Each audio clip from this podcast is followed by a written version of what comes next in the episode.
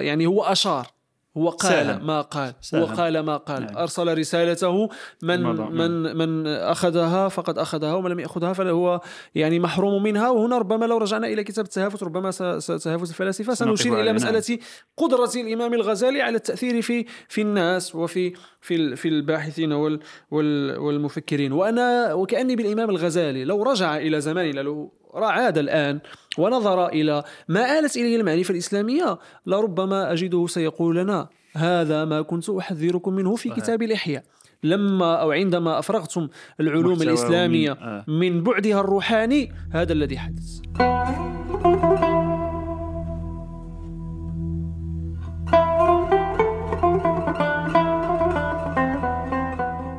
بسم الله المانح المتيم المتفضل المكرم. مرحبا بالأعزاء جميعا في هذا اللقاء. لقاء جديد من لقاءات طواسين بودكاست طواسين.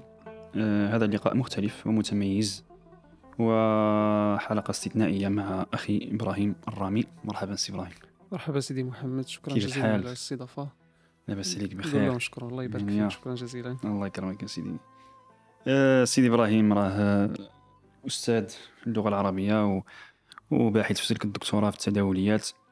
ومهتم بالإمام الغزالي ال- اللي الحلقة عنا عليه واللي هذه الحلقة متميزة وما يمكنش أننا نتكلم على الإمام أبي حامد الغزالي إذا ما ما خدناش واحد. واحد المساحة من الحديث آه، بروية وباتزان وبشيء من ال... من ال... الأنس بإمامنا أبي حامد الغزالي آه غنحاولوا إن شاء الله في هذه الحلقة نكونوا نوعا ما يعني خلف ركاب سيدي أبي حامد الغزالي. نتعلم من ترجمته ونتعلم من كتبه ونتعلم من القصص التي رويت في التراجم عنه والتجاذبات المستمرة التي ما زالت يعني إلى إلى اليوم وهي في الغرب أكثر منها في عند العرب وال- والمسلمين. فإن شاء الله يعني لا نطيل في في التقدمة ونبدأ بأول سؤال أو يعني دابا حنا في نهاية المطاف يكون هذا اللقاء يعني بسيط باش المستمع يعني يتقترب من الإمام الغزالي أكثر لأن قلت أنا الحلقة استثنائية وعندها ارتباط حتى بعنوان البودكاست اللي هو بودكاست الطواسين لأن الإمام أبي حامد من طوس وهذا آه، يعني يظهر إن شاء الله في في التقديمة ديال هذا البودكاست. آه، أول سؤال سيدي إبراهيم نتعرف مع مع- على الإمام أبي حامد الغزالي في بداياته ولادته والسنة والمكان والحيثيات التي يعني ارتبطت بالولادة الأولى للإمام أبي حامد الغزالي قدس الله سره.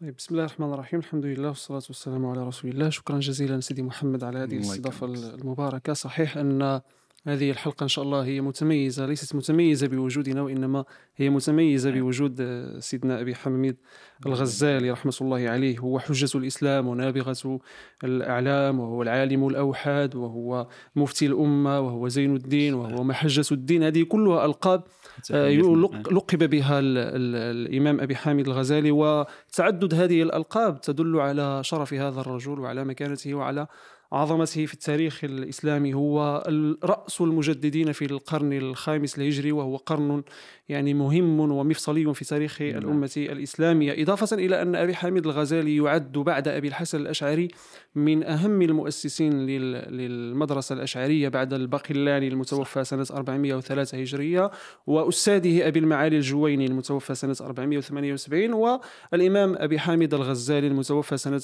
504 أو 505 على اختلاف في الأقوال. هو أبو حامد نعم. محمد بن محمد بن محمد بن أحمد الغزالي الطوسي النيسابوري الشافعي.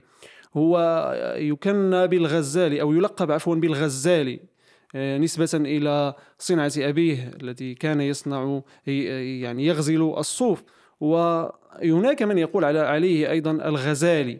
والغزالي الذي يعني نشرها ربما أكثر هو الإمام ابن الأثير الذي قال أنه قرأ آه، نقلا عن عن الإمام النووي أنه قال الإمام النووي قرأ آه، بخط يد الإمام آه، الغزالي نقلها هو الإمام النووي أعطاها لابن الصلاح صاحب المقدمة فكتب هذه الأمر يقول يعني عن الإمام الغزالي يقول أن الناس تقول لي الغزالي عفوا تقول لي الغزالي. ولست بالغزالي نعم. وإنما أنا الغزالي نسبة إلى قرية غزالة. وإذا ما أرجنا أن نبحث في هذه القرية هل هي موجودة أو غير موجودة ربما آه، سنجدها غير موجودة. لا يهم من هذا كله. فالغزالي صحيح لغة والغزالي صحيح لغة. فإن قلت الغزالي نسبته إلى هذه القرية وإن قلت الغزالي نسبته إلى آه، مهنة أبيه. الطوسي نسبة إلى مدينة طوس وهي مدينة آه، تاريخية قديمة جدا ومهمة في التاريخ الإسلامي. آه، خرج منها. قد طوس كان إقليما ياك. نعم. كان إقليم وكان يضم يعني جهتين معروفتين. نعم. اللي هما طابران طابران هي التي ينتسب إليها أبي حامد الغزالي. والجهة الأخرى هذه كانت في جهة الجنوب وجهة الشمال كان فيها أظن خراسان. نعم.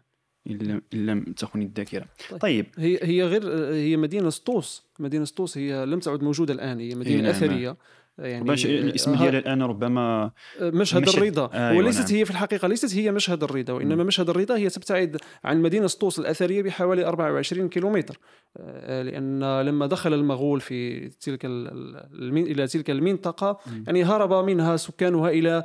إلى قرية تسمى سندباد هذه القرية التي ستكبر شيئا فشيئا فتسمى لاحقا بمشهد الرضا نسبة إلى الإمام الرضا بن القاسم علي الرضا بن القاسم الإمام الثامن من نعم. أئمة الاثني الاثني عشر ومدينة طوس هذه تخرج منها الكثير من ال من, ال من نعم. العلماء من بينهم المحدث أبو إسحاق آه، العنبري والإمام المحدث آه، ابن, ابن أبي حاتم وفي آه، الجانب السياسي نظام الملك الذي نعم. سنقف معه في هذه صح. الحلقة وهي أيضا المدينة التي توفي فيها الملك الشهير الملك العباسي الشهير هارون الرشيد وظل قبره إلى أن نبش عندما دخل المغول. نعم. وهي القرية آه، عفوا مدينة العالم الكبير نصير الطوسي الفلكي الرياضي المتكلم صح. إلى آخره. طيب ف... نتقدم قليلا. أه كما تعلم بأن أبوه كان يعني محب للصوفية وكان غير غير متعلم وحاول أن يعني أن يقرأ أولاده ويدرسوا ويطلبوا العلم وكان يماني النفس يعني بهذا. لكن بعض الروايات تقول بأنه توفي يعني وهم صغار. كان لديه ولدان أبو حامد الغزالي وأخوه أبو الفتوح. أبو الفتوح نعم. آه عندما مات والده آه تذكر التراجم بأنه يعني أبقاهما عند أحد أصدقائه الصوفية آه وحاول أن يرعاهما بمقدار المال الذي يعني تركه والد والده أو والد والديهما.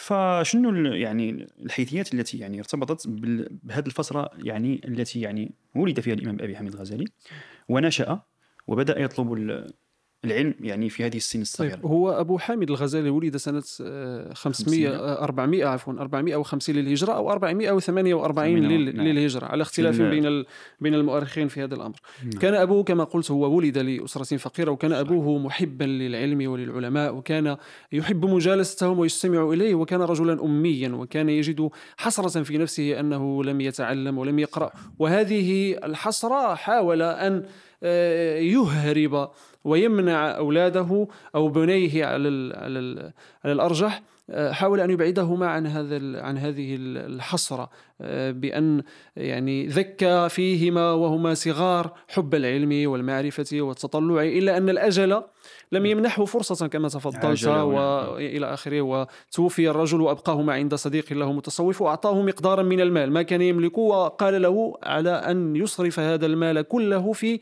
في في في تعليم أبنائه. وهنا ربما نقول انها نكتة لأن الوصية التي تركها الرجل هو ما كان يظن على أن ولديه أبو حامد وأبو الفتوح سيصبحان من كبار العلماء. وكان يمني النفس أن يتعلم نعم. يعني القراءة والكتابة. يحرب الأمية كما كنقول بالضبط بالضبط نعم. بالضبط. لكن الرجل لما أراد أن يصرف عليهم المال هنا, هنا, هنا النية الصادقة. صحيح. هنا النية الصادقه اللي كتكون في, في الوالدين كيفاش أنها كتأثر في, ال- في, ال- في, في, في يعني في النابتة ولا كيكون عندها ربما واحد صحيح السر. ولا ربما هذا الرجل الصالح والدهما لربما استجاب الله عز وجل دعاءه صحيح، في في أبي حامد وأبي ال- ال- الفتوح. نعم نعم. والرجل قلنا الرجل صديقه لما انتهى منه رغم المال أنه كان متجردا صحيح يعني لا علاقة له بالدنيا فاشتغل بتعليم هذين. الولدين و- ويعني و- والإنفاق عليهما ورعايتهما. وللإشارة الأب أبوهما كان يكره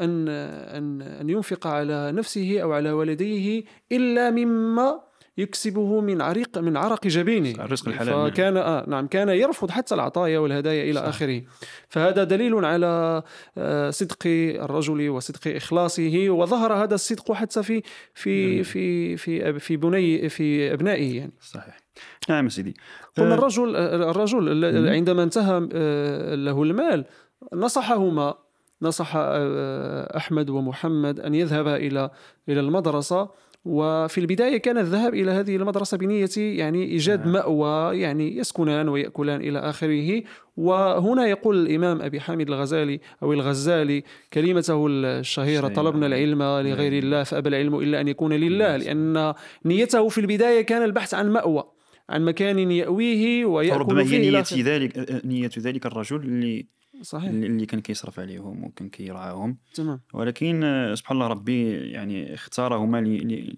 يعني لنفسه وأيضا وربما وربما هم أيضا يعني ال- ال- الإنسان دائما ما يسعى إلى تحقيق آه، يعني مطالبي أو غاياتي أو احلامي أو منى الوالدين. فأحمد أبو الفتوح ومحمد آه، أبو حامد آه، كلاهما اجتهدا ليصل إلى المرتبة.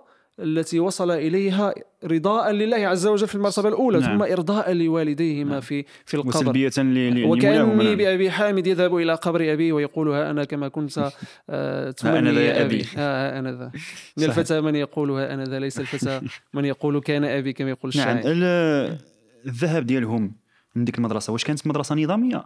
لا ليست هي المدرسة النظامية. لا يعني هل كانت تندرج ضمن المدرسة النظامية التي التي بناها نظام الملك؟ أم أن لا لا لا, لا, راه النظامية لا ليست المدرسة النظامية. وإنما المدرسة النظامية نظام الملك بنى مدرستين مدرسة بنيسابور في, في أي فترة؟ واش قبل قبل ولادة الغزالي؟ لا مدرسة صحيح لا المدرسة المدرسة المدرسة النظامية يعني كانت قبل يعني مش ليست يعني كانت بنيت سنة 458 يعني كان عمره غزالي. الغزالي حوالي 10 أو 8 أو نعم، 8 يعني سنوات لكن ليست هي. ليست هي آه. المدرسة التي ذهب ليست هي المدرسة التي درس فيها سيذهب إلى مدرسة نيسابور لاحقا عندما سيلتحق بأستاذه الجويني. أبي المعالي الجويني أما في البداية هو درس في في طوس تحديدا في طوس عند أستاذين اثنين أحمد الرازيكاني أو أحمد الرازيكاني وأيضا أستاذه الآخر يوسف النساج. يوسف آه. الن- وليس أبي النصر الإسماعيلي لا ليس أبو النصر الإسماعيلي هذا في جورج في في في جورجان يعني هو ال- يعني المرحلة التعليمية نعم. طيب المرحلة التعليمية يمكن أن نقسمها إلى ثلاثة أقسام المرحلة الأولى هي المرحلة التي ذهب آه، إليها الم- المدرسة الأولى التي ذهب إليها هي مدرسة آه، التي كان يدرس فيها آه، الشيخ أحمد الراذكاني وأستاذه آه، يوسف النساج نعم. ودرس آه، عليهما فترة يسيرة ثم انتقل بعد ذلك إلى مدرسة جورجان بين بين هذه- بين هاتين بين هذين الانتقالين حدثت قصة. ما هي. هي قصة التعليقة لا ليست حبذا أن- ليست, ليست بين هذين لا, لا, لا, لا هو عندما ذهب إلى جورجان لا الرجل لا زال أبو حامد الغزالي. لا زال صغيرا. ذهب إلى جورجان وهناك يقول يعني المجموعه من ال من ال من المصادر تقول على أنه التقى التقى بالشيخ أبو النصر الإسماعيلي. وفي الحقيقة ليس هو أبو النصر الإسماعيلي لأننا إذا ذهبنا إلى ترجمة أبو النصر الإسماعيلي سنجد أنه توفي في طبقات الش- الشافعية آه، عند تاج الدين السبكي. يقول على أن هذا الرجل توفي سنة 405 هجرية بمعنى قبل ميلاد الإمام الغزالي 50 بحوالي سنة. 45 سنة. نعم. يعني ليس هو. وفريد جبر أحد ال- ال- ال- المعاصرين المعاصرين المهتمين بالغزالي والذي ألف ثلاثة كتب آه، من بينهم مفهوم اليقين عند الغزالي ومفهوم المعرفة عند الغزالي ومنهج آه، الغزالي يقول على أن هذا العالم أو هذا الشيخ الذي ذهب إليه الغزالي هو إسماعيل بن سعدة. وأنا في الحقيقة بحثت عن إسماعيل بن سعدة في التراجم فلم أجد فلم أجد هذا الاسم. اللهم أحد الباحثين الشباب المعاصرين الآن اسمه إسماعيل بن ساعدة وليس حتى ابن ابن ابن سعدة. قلت لما انتقل إلى هذا إلى هذا الشيخ يعني فليكن هو إسماعيل بن سعدة على حد قول فريد جبر. آه، رجع وكتب تعليقته هناك وأثناء رجوعه حدثت القصة التي آه، أنت تلمح وتشير إليها وهي أنه آه، التقاه اللصوص فأخذوا منه ما كان يملك ثم ركض نحوهما وقال أو نحوهم وطلب منهم أن يرجع ما سرقوه أو ما سلبوه منه فقال إن بها تعليقتي فقال ما هي تعليقتك قال تعليقتي موجودة, موجودة في تلك المخلات. هاجرت لسماعها وكتابتها ومعرفة علمها. فضحك الرجل وقال كيف تدعي أنك سمعتها نعم. وعلمتها وعرفتها وقد سرقت وقد سرقت منك؟ وهنا تفطن الإمام الغزالي. بئس مستودع حتى مستودع القرص فبئس نعم آه صحيح. مستودع العلم القراطيس قال فبئس مستودع العلم القراطيس نعم. فيعني تفطن الإمام أبي حامد الغزالي وهو كان صغيرا إلى مسألة عظيمة جدا وهي مسألة الحفظ لأن العلم لا يوجد فقط في الأوراق وإنما ينبغي أن, أن يميز أو أن يقسم الإنسان بين الحفظ وبين بين الفهم. فقال أبو حامد الغزالي هذا مستنطق استنطقه أستنطقه الله عز عز وجل. شو هنا الرعاية الرعاية الإلهية لأبي حامد الغزالي. صحيح صحيح. في كل مراحله تجد يعني أن الله عز وجل اختاره بالضبط. للعلم واختاره لنفسه واختاره للصدق أساسا. صحيح. أي نعم فرجع الإمام أبي حامد الغزالي واعتكف على هذه التعليقه ثلاث سنين. حتى حفظها آه وانتهى نعم. منها. سنة 473 آه، حينها سينتقل إلى إلى نيسابور. في المدرسة النظامية هنا. آه. سيلتحق بأستاذه الإمام الجويني. آه إمام الحرمين صاحب البرهان الإمام الجويني. وسي طيب يعني نعم. هنا دابا نوقفوا مع الإمام الجويني مرحبا. لأن المرحلة ديال الغزالي مع الجويني هي مرحلة متميزة جدا, جدا نعم. والإمام الجويني كما تعلم آه، هو إمام الحرمين وكان هاجر إلى الحرمين يعني لقصة أنه الاضطهاد الذي كان معروفا في ذلك في ذلك الوقت ثم رجع فقد كان رأس العلم في في في في فترته وقصده الغزالي حتى يعني يأخذ منهما ما شاء من العلوم ولازمه إلى إلى النهاية. وطبعا الإمام الغزالي الإمام الجويني كان معروف ب يعني بسعة علومه وتمكنه خصوصا في العلم علم الكلام والمنطق والأصول أيضا. وكتابه البرهان أشهر من نار على علم وتلاميذه الثلاثة الكبار حتى أن الجويني قال فيهم أن أن أن أن تلاميذه تلاميذه إذا ناظروا فالخوافي بحر في الخوافي أسد مطرق. والغزالي بحر مغدق أو مغرق والكيا الهراس يقصد فنار نار تحرق. طيب تكلمنا على على العلاقه ديال الإمام الغزالي بالجويني وما جرى آه، يعني نقطة نقطة حتى نصل إلى الكتب التي ألفها في تلك الفترة وكتابه المنقول والكلام عليه إلى غير ذلك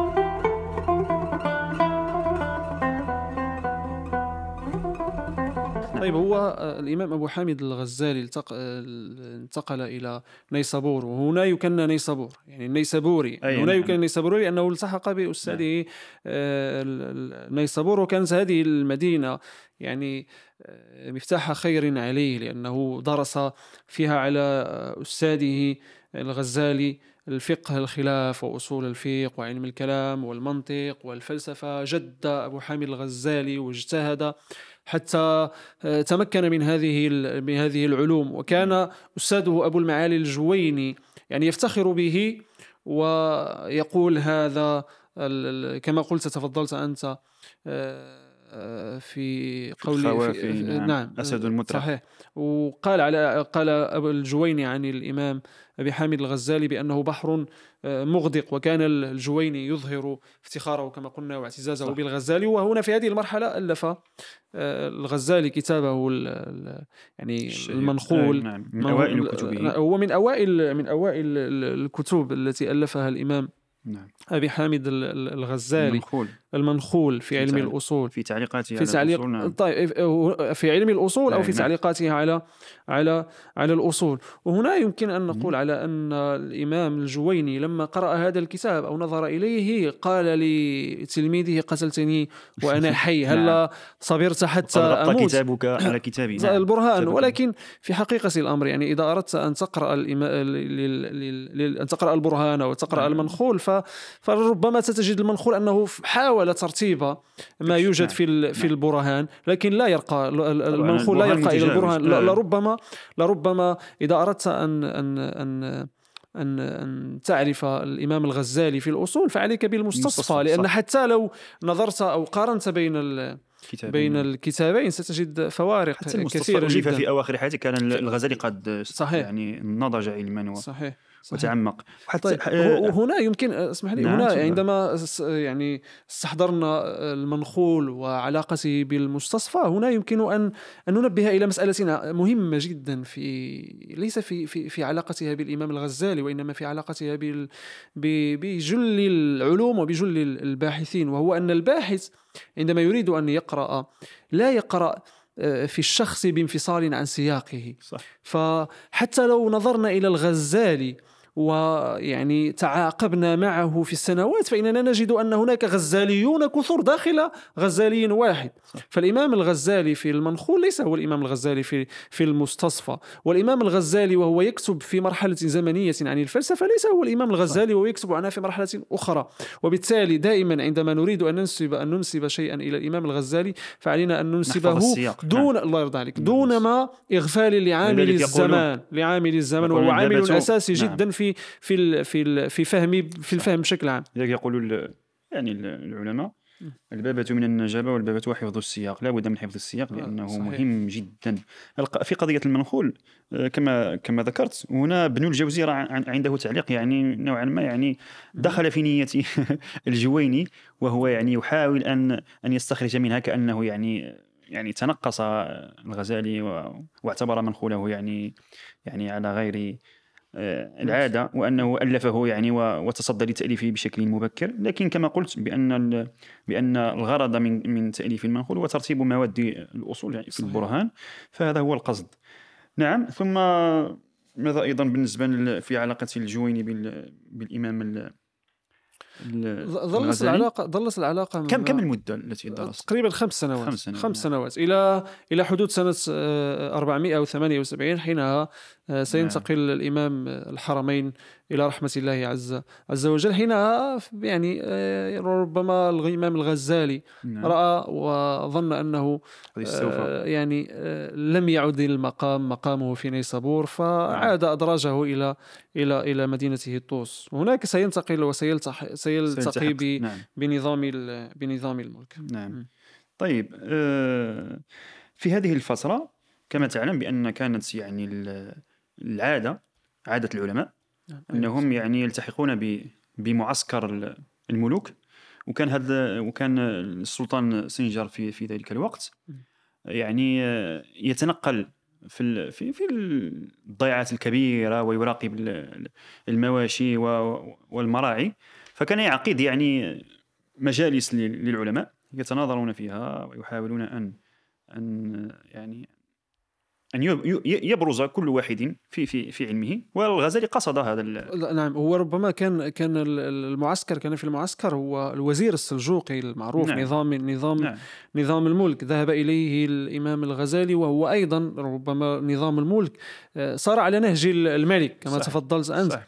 آه، كان يعني يأتي إليه العلماء والمفكرون والمناطقه والأصوليون إلى آخره فلما ذاع صيت الإمام نعم، الغزالي سبقه الصيت، نعم نعم. وقصد الغزالي نظام الملك أو مجلس نظام الملك حاول العلماء الذين كانوا هناك حاولوا أن يعني أن يختبروا نعم. آه، لا، يعني وهذه كانت من عادة ال- صح. من عادة العلماء كما فعلوا مع الإمام البخاري في القصة ال- صح، في صح. القصة المشهورة. المشهورة فامتحنوا الرجل واختبروه في الفقه فإذا هو فقيه واختبروه في الأصول فإذا هو أصولي واختبروه في المنطق فإذا هو منطقي يعني شأنه، نعم. آه، صحيح فاعجب به نظام وفي الملك في تلك السن.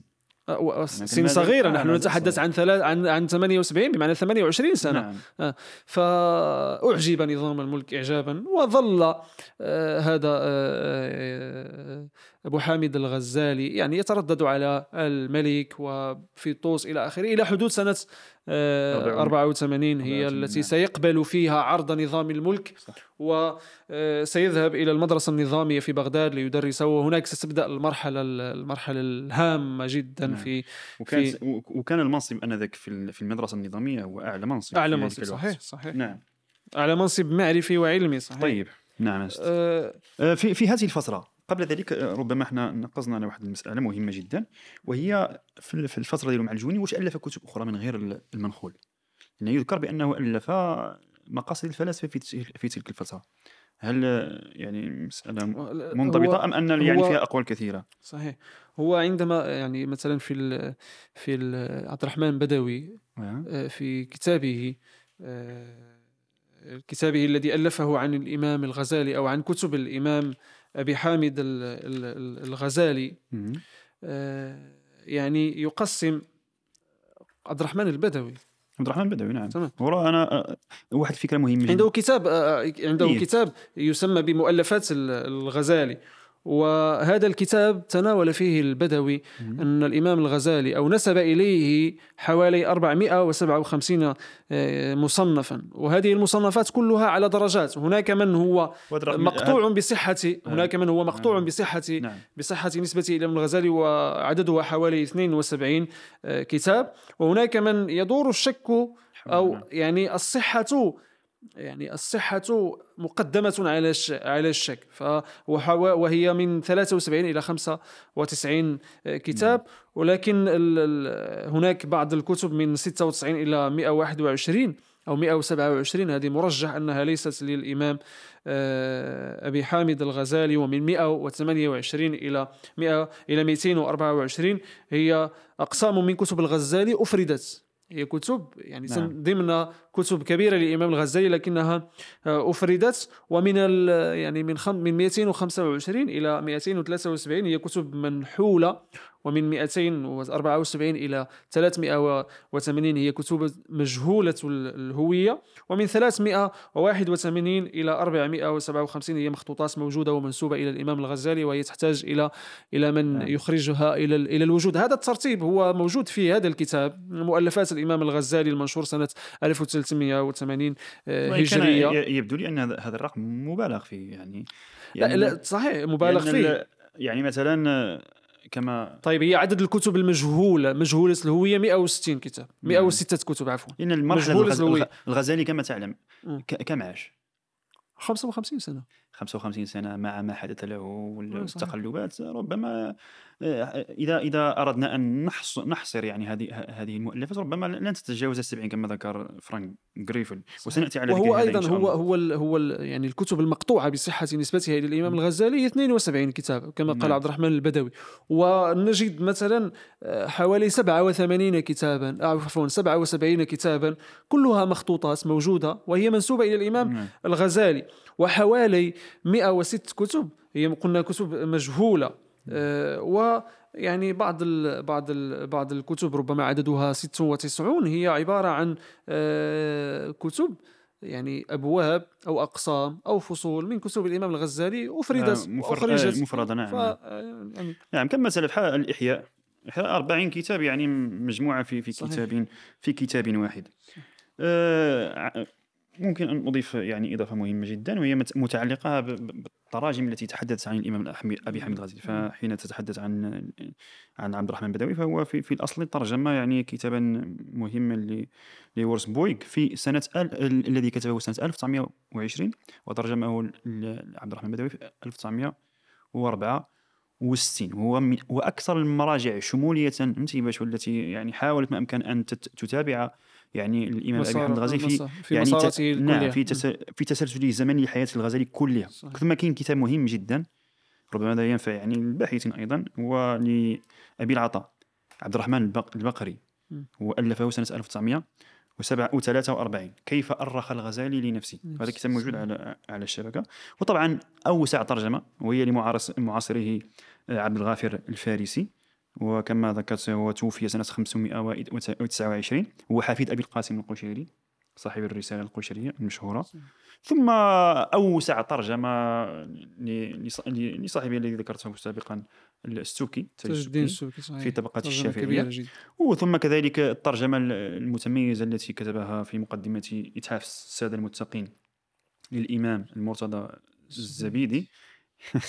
إلى غير ذلك يعني طيب حتى نرجع يعني حتى نرجع إلى إلى السؤال. إلى نرجع إلى السؤال نعم. يعني حتى هذه هذه التراجم كلها أو هذه في كتابة مثلا في كتاب آه، نعم. مؤلفات الغزالي لعبد الرحمن البدوي يقول على أن في المرحله في مرحلة التقاء الإمام الغزالي بالجويني ألف كتابين يعني يعني أو يعني عنده التعليق آه المشهورة وأيضا المنخول من تعليقات الأصول أو المنخول في أصول في أصول الفقه. وربما هذا الأمر يمكن أن نقول على أنه يعني يعني الإمام الغزالي يعني حتى لو يعني لو لو كان هذا صحيحا أنه صحيح. كتب فقط المنخول فربما نفسر هذا ب يعني بحسن تادبه مع مع أستاذه وأنه ولو أن بعضهم يعني كان يحفظ يحفظ له مقامه يعني مثلا. يذكر بأنه ألف المقاصد الفلسفيه في في في في مرحلة التي كان مع مع الجويني لأنه في طيب هذه الفترة هو هو عبد الرحمن يعني البدوي يقول على أن عبد الرحمن البدوي يعرض مجموعة من مجموعة من الكتب التي ألفت ما بين سنة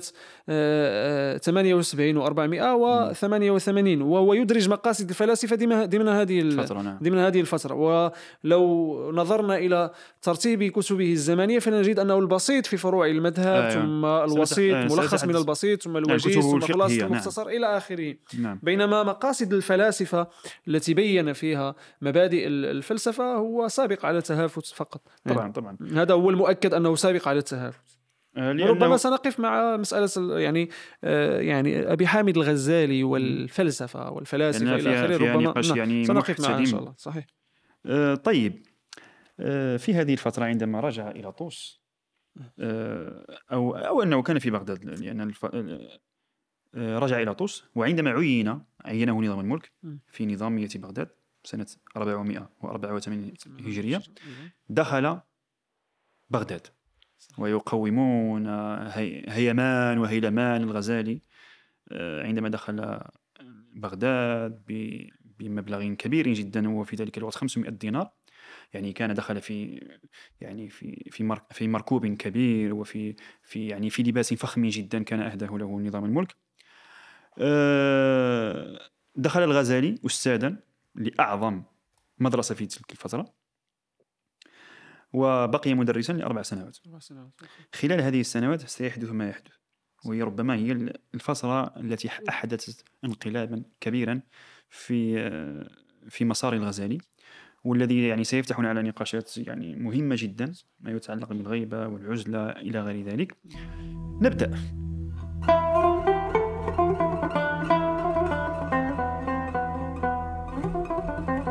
هو قل يعني لما عين في هذه المدرسة دخل في هذه الهيئة التي ذكرت أنت في حدود 500 دينار وهي تعكس في حقيقة الأمر.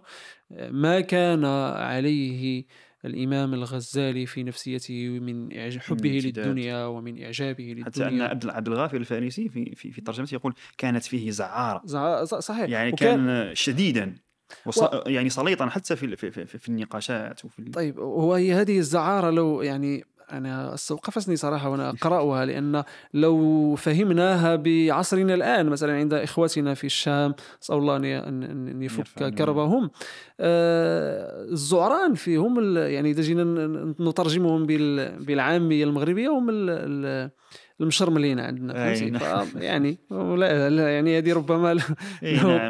أبو حامد الغزالي المهم المهم أنه كان رجلا سليطا. هذه سليطا على على الخصوم في حتى في الجانب المعرفي حتى انه إذا ناظر احدا لا كان لا يرحمه. بهذه العبارة. كان يعني آه، وكأنه يدق المسمار على رأسه وقلبه. يعني حتى يخرج الرجل وكأنه لم يقرأ ابدا شيئا من العلم أو من من المعرفة. فستتبدل أحوال الإمام أبي حامد الغزالي في هذه السنوات الأربع. وهذا أسباب هذا التبدل كثيرة جدا. صح ويمكن أن نرجعها إلى سببين اثنين. نعم. آه، يعني سبب ربما قد يكون غير ظاهر. يعني ليس غير ظاهر بمعناه المعرفي. نعم. هو أن أخاه أبو. أبو, أبو, أبو الفتوح أحمد هذا كان رجلا واعظا. نعم. وكان رجلا يعني ذا عصيته في الدعوة إلى الله سبحانه وتعالى وأعطاه الله سبحانه وتعالى لسانا فصيحا آه، جاء إليه في أحد المرات ووجد أخاه في آه، حالة من البذخ نعم. وحالة من العجب وحالة من آه، الكبر إلى آخره فلامه نعم. بعبارات رقيقة جميلة أنيقة. فقد تكون هذه ال- قال هذه له ربما أنا نعم. أذكر الأبيات نعم تفضل. قال له يعني أخذت بأعضادهم إذ ونوا. ونو صحيح. وأسرعك الجهد إذ أقطعوا. صحيح. وصرت تهدي ولا تهتدي. وتسمع وعظا ولا, ولا تسمع, تسمع.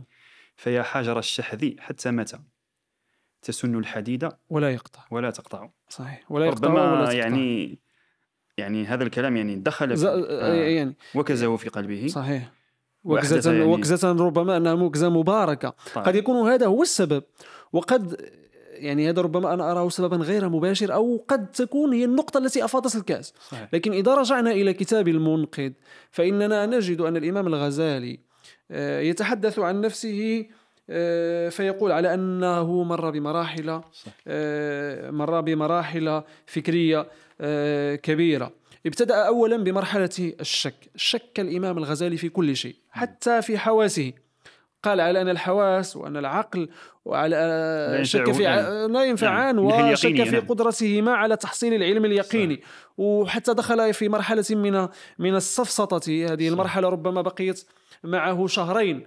يمكن أن نقول على أن حالة من الاكتئاب نعم. حالة من الكرب حالة من الأرق الرجل لم يكن ينام كاد أن يفقد عقله حتى شفاه الله عز وجل آه، بعد آه، شهرين ليتفرغ بعد ذلك لدراسة الأفكار والمعتقدات السائدة. وفي وقته وفي هذا يقول هو في في المنقذ وما ولما شفاني الله من هذا المرض بفضله وسعة جوده أحضرت أصناف الطالبين عندي في أربع فرق.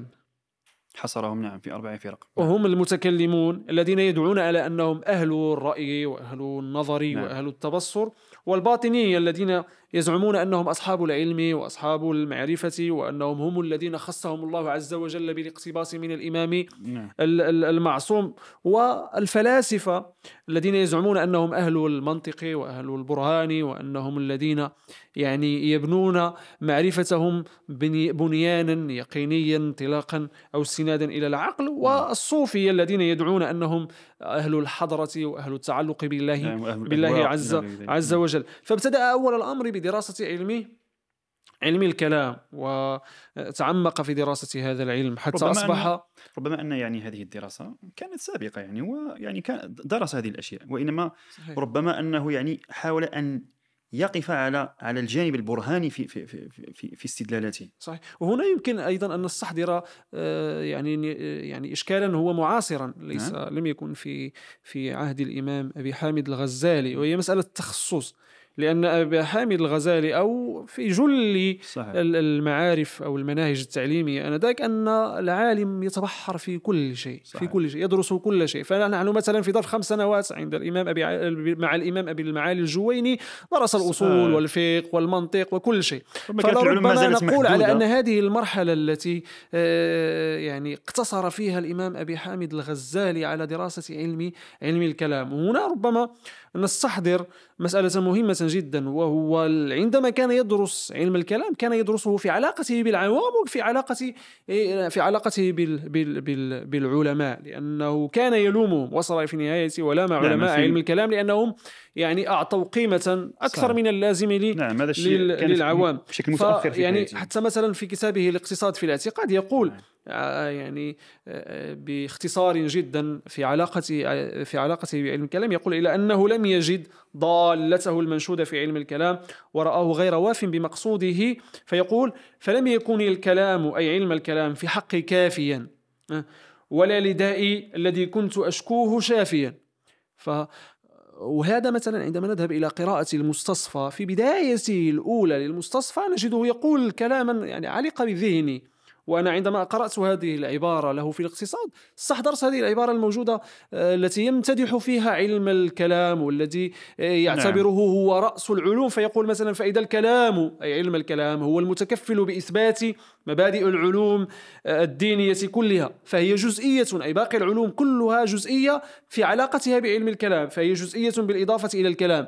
فالكلام هو العلم الأعلى في الرتبة.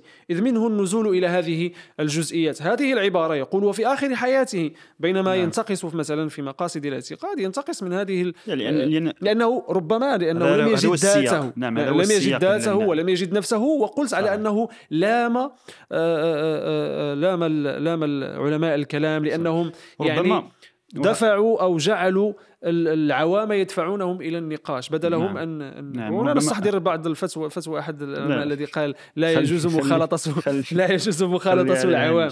بعد هذا توجه لدراسة الفلسفة. لا غير غير باش حتى لا يعني حتى لا نهرب نعم. في في بين قوسين في التخصص وهذا ربما يعني قد قد يعني هي فقط نريد يزعج المستمع.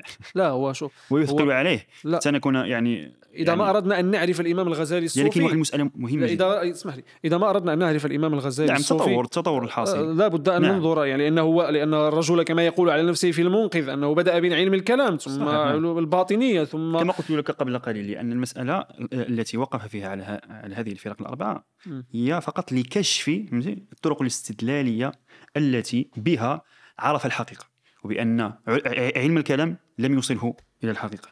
الباطنية لم تصل إلى الحقيقة الفلاسفة لم يصلوا به إلى بر الأمان الرجل فبقي الرجل فبقي للتصوف يعني شأوه وعظمته هو هو الذي يعني دفعه في يعني من خلاله لم إلى التبحر هي وفي حقيقة فيه. الأمر لا ننظر إليهم بتراتبية نعم. بشكل عمودي وإنما ينبغي أن ننظر إليهم بشكل أفقي لأن لأن الإمام الغزالي لما أصيب بما بما أصيب به من مرض و علل ولما قال له أخوه ما قاله إلى آخره ونظر إلى أن الحالة التي كان عليه الإمام الغزالي وهو يدرس لا توصله إلى الله عز وجل نعم. وإنما هي ربما توصله إلى النار لأنها لم تكن آه، حالة أو لم تكن آه، آه، يعني لم يكن تعليمه ابتغاء مرضات الله عز وجل وإنما كان تعليمه ابتغاء الدنيا وهنا وفقط نفهم العبارة الأخيرة التي كان يقولها وهو على فراش الموت الإخلاص والإخلاص والإخلاص صحيح صحيح. ولم يكن مخلصا فبحث عن هذه الإخلاص وانعدام الإخلاص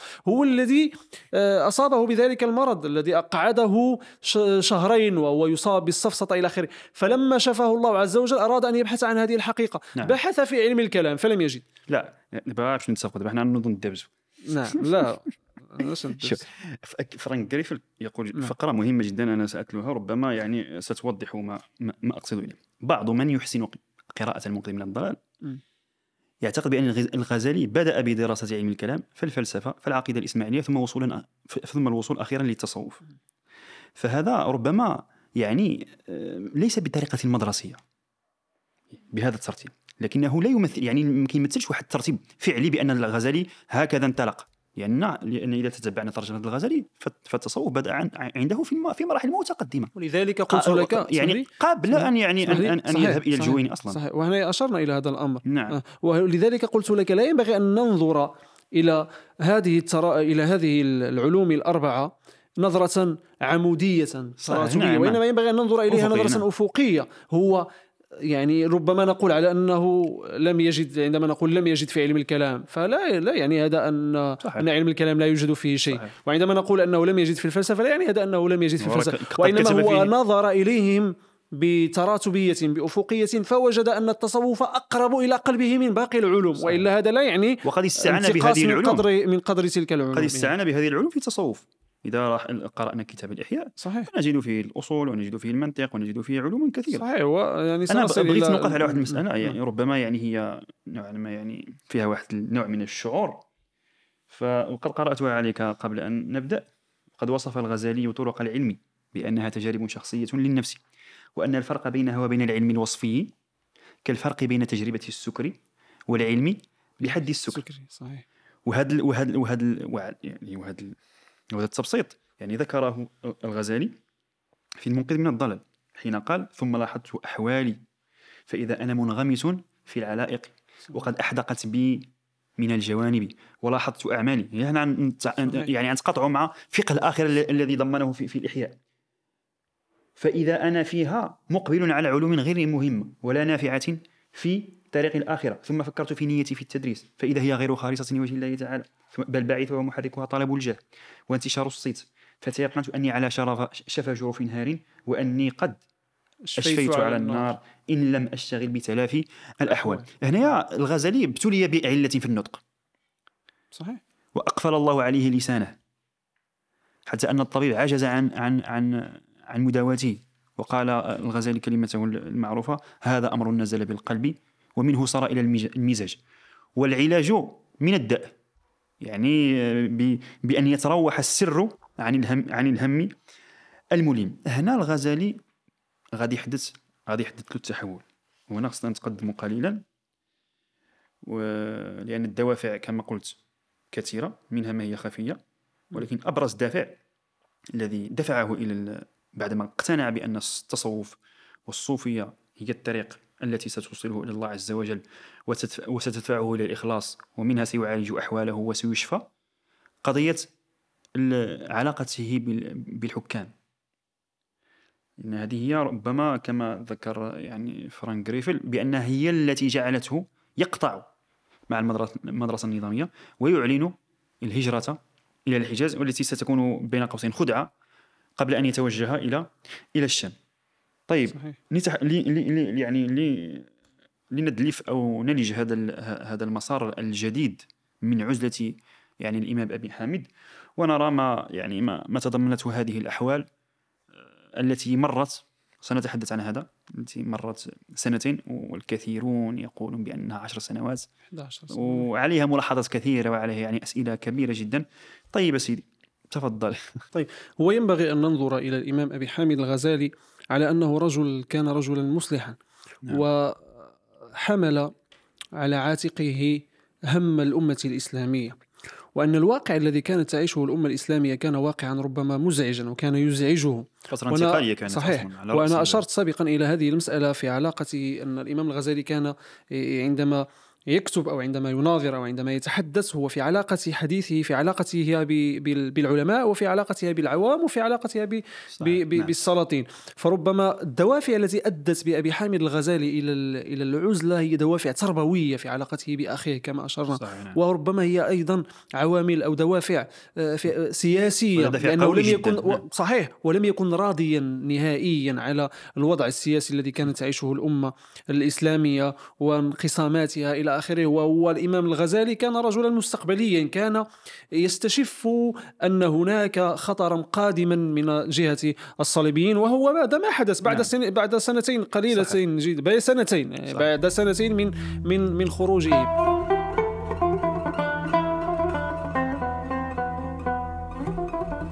قلت على أن الإمام أبي حامد الغزالي كان رجلا استش... يعني مستقبليا.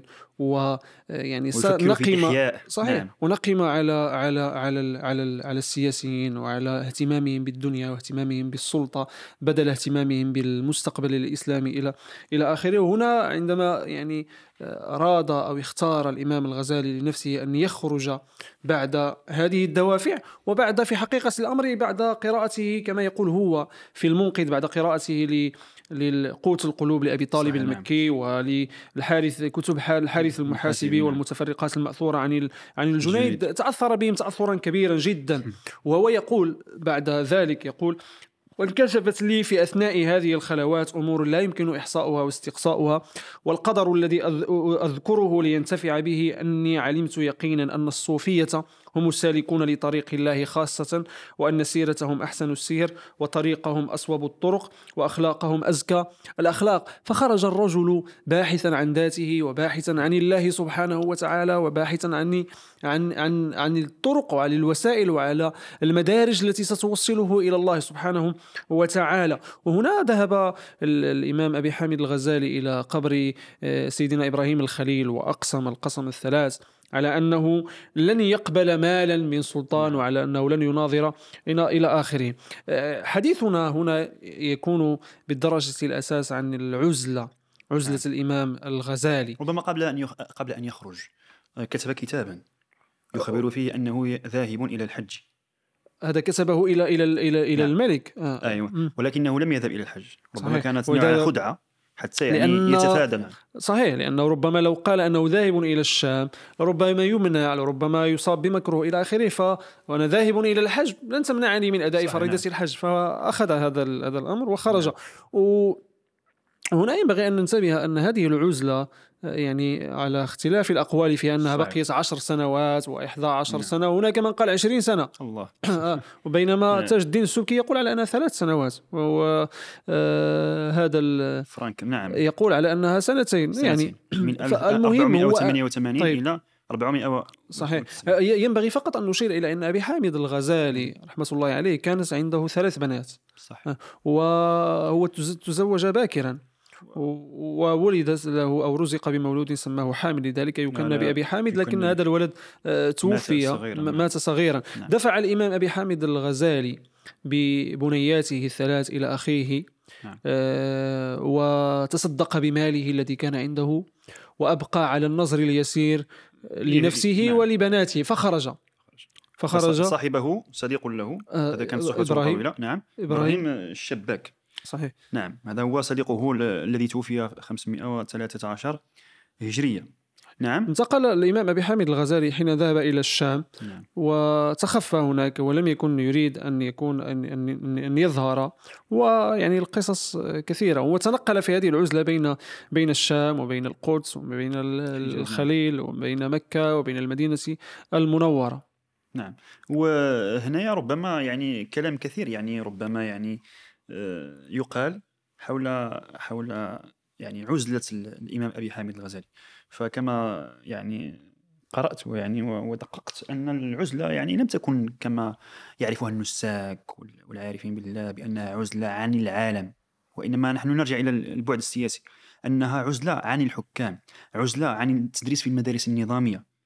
إذا إذا تتبعنا يعني مثلا فرانك غريفل في في, في كتابه عن الغزالي فهو صراحة من من أعظم ما كتب وقد ترجم مؤخرا عن درب بن النديم. فأن عزلته يعني لم تكن عن التدريس بل بالف... بل بالعكس عندما ذهب إلى دمشق درس ال- الإحياء وكتبه في الطريق وكان له تلاميذ كثر وسميت سمي المكان الذي كان يدرس به يعني بالزاوية الغزالي وبقي يسمو ذلك تلك الزاوية إلى حدود الثامن يعني الثامن الهجري الهجري. بل أنه ألف كت- كتابا في, في, في بيت المقدس. يعني كان يؤلف كان يكتب كان يعني يعني يدرس. لم ينقطع هذا ابدا. وطبعا آه وفي هذه الرحلة التقى بابن العربي أثناء في الطريق نعم. التقى بابن آه العربي صحيح. كيف كيف كيف جرت هذه كيف جرى هذا اللقاء؟ كيف كان يعني آه تصور أو تعليق ابن العربي على على يعني شيخه أبي حامد طيب هو. التقى هو التقى مرتين نعم. صحيح التقى به مرتين التقى بشيخه ابن العربي التقى القاضي ابن العربي التقى بشيخه نعم. أبي حامد الغزالي لما زال صغيراً، في الطريق. نعم, في الطريق. معروف القصة ديال مجيء الأب ديالو هو هو وأبوه. يعني صحيح. جاءوا إلى ال إلى ال إلى ال إلى بغداد لأخذ البيعه ليوسف بن تشافين. آه، صحيح. نعم. صحيح ويمكن ان أن- يعني هنا يمكن أن نتحدث عن علاقة الغزالي بيوسف بن تشفين لاحقا نعم، لكن نعم. العربي. القاضي بن العربي لما رآه يعني تعجب صح كيف هذا هو الإمام الغزالي الذي كان يعني آه، محبا وعاشقا للدنيا في اللباس وفي الهيئة إلى آخره يخرج على هذه الحال الحال. فقال له آه، الغزالي أوليس مقامك ببغداد مدرسا أفضل من هذا ال- ال- المقام. خلاصة الأمر أنه رد عليه الإمام أبي حامد. الغزالي بأمور يعني آه، ربما نتلوها وهي مهمة جدا كما كما تعلم وذكرها ابن العربي في في قانون التأويل لما طلع بدر السعادة في فلك الإرادة وجنحت شمس الوصول في مغارب الأصول تركت هوى ليلى وسعدى بمنزلي وعدت لتصحيح أو إلى تصحيح أول أولي. منزلي ودارت أو نادت بي الأشواق مهلا فهذه منازل من تهوى. رويدك فانزلي غزلت لهم غزلا رقيقا فلما لم أجد لغزلي نساجا كسرت مغزى مغزالي ربما هذا فيه نوع من ال... الرقة الشعرية. نعم وكذلك ال- ال- الدليل كأنه دليل يعني خفي يشم ولا يفرك لصحة نسبه إلى إلى الغزل. آه صحيح صحيح ربما إلى غزالة يعني. نعم يعني. ربما نكون أول من يشير إلى هذا ال- إلى هذه ال- هذه اللفتة طيب في هذه ال- يعني في هذه ال- المرحلة من من العزلة التي قد نقدر أنها سنتين. عاد عاد إلى إلى بغداد إلى بغداد مرة هنا أخرى هنا نعم صحيح هنا بالإمام الغزالي وهو يخرج.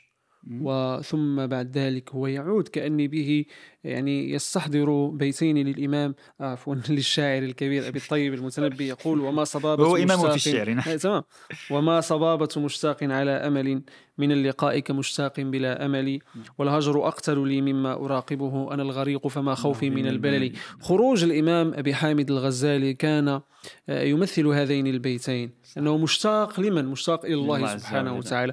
مشتاق إلى الغزالي داخل الغزالي. هو خرج باحثا عن نفسه. صحيح. بعد غيبته أو بعد عزلته يقولون في كتب التراجم على أنه اشتاق لبنياته. صحيح. فلما رجع رجع أيضا بهذين البيتين وما صبابة مشتاق على أمل. الآن هو مشتاق لبنياته.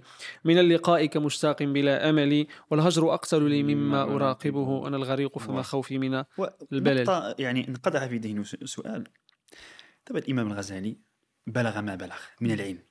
ربما يطرح سؤال إنسان بسيط يعني مثلي يقول ربما هذا العلم كله أليس ألم يكن دليلا على الله؟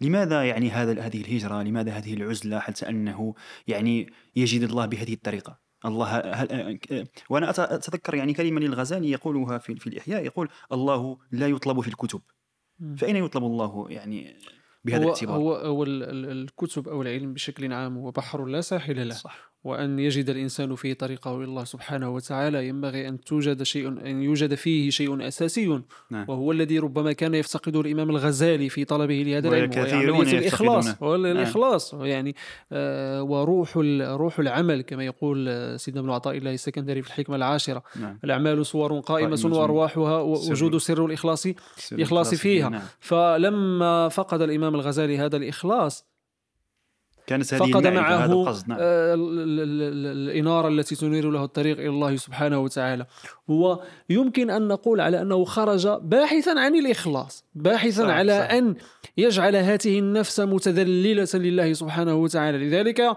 نحن مما نقرأ من القصص التي نقرأ نقرأها للإمام أبي حامد الغزالي في هذه العزلة أنه لما جاء إلى الشام جلس أمام زاوية في آه. بابها يعني آه. الإمام الغزالي وهو من هو في مقامه وفي علمه وفي معرفته وفي مهابته وفي جلاله وعظمته هو جالس على على عتبة على الباب. على عتبة على عتبة ال- الباب أمام الأحذية ولم يدخل حتى أذن له. أحد الفقراء ولما دخل اشتغل يعني يكنس نعم. الإنارات إلى آخره والمراحيض فهذا كله. هذا كله ليذلل نفسه هذا كله ليقتل في داخله تلك النفس أتذكر- بالعجب أتذكر- بالكبر إلى آخره بيتا يقول فيه أحدهم تذلل لمن تهوى لتكسب عزة. صحيح. فكم عزة؟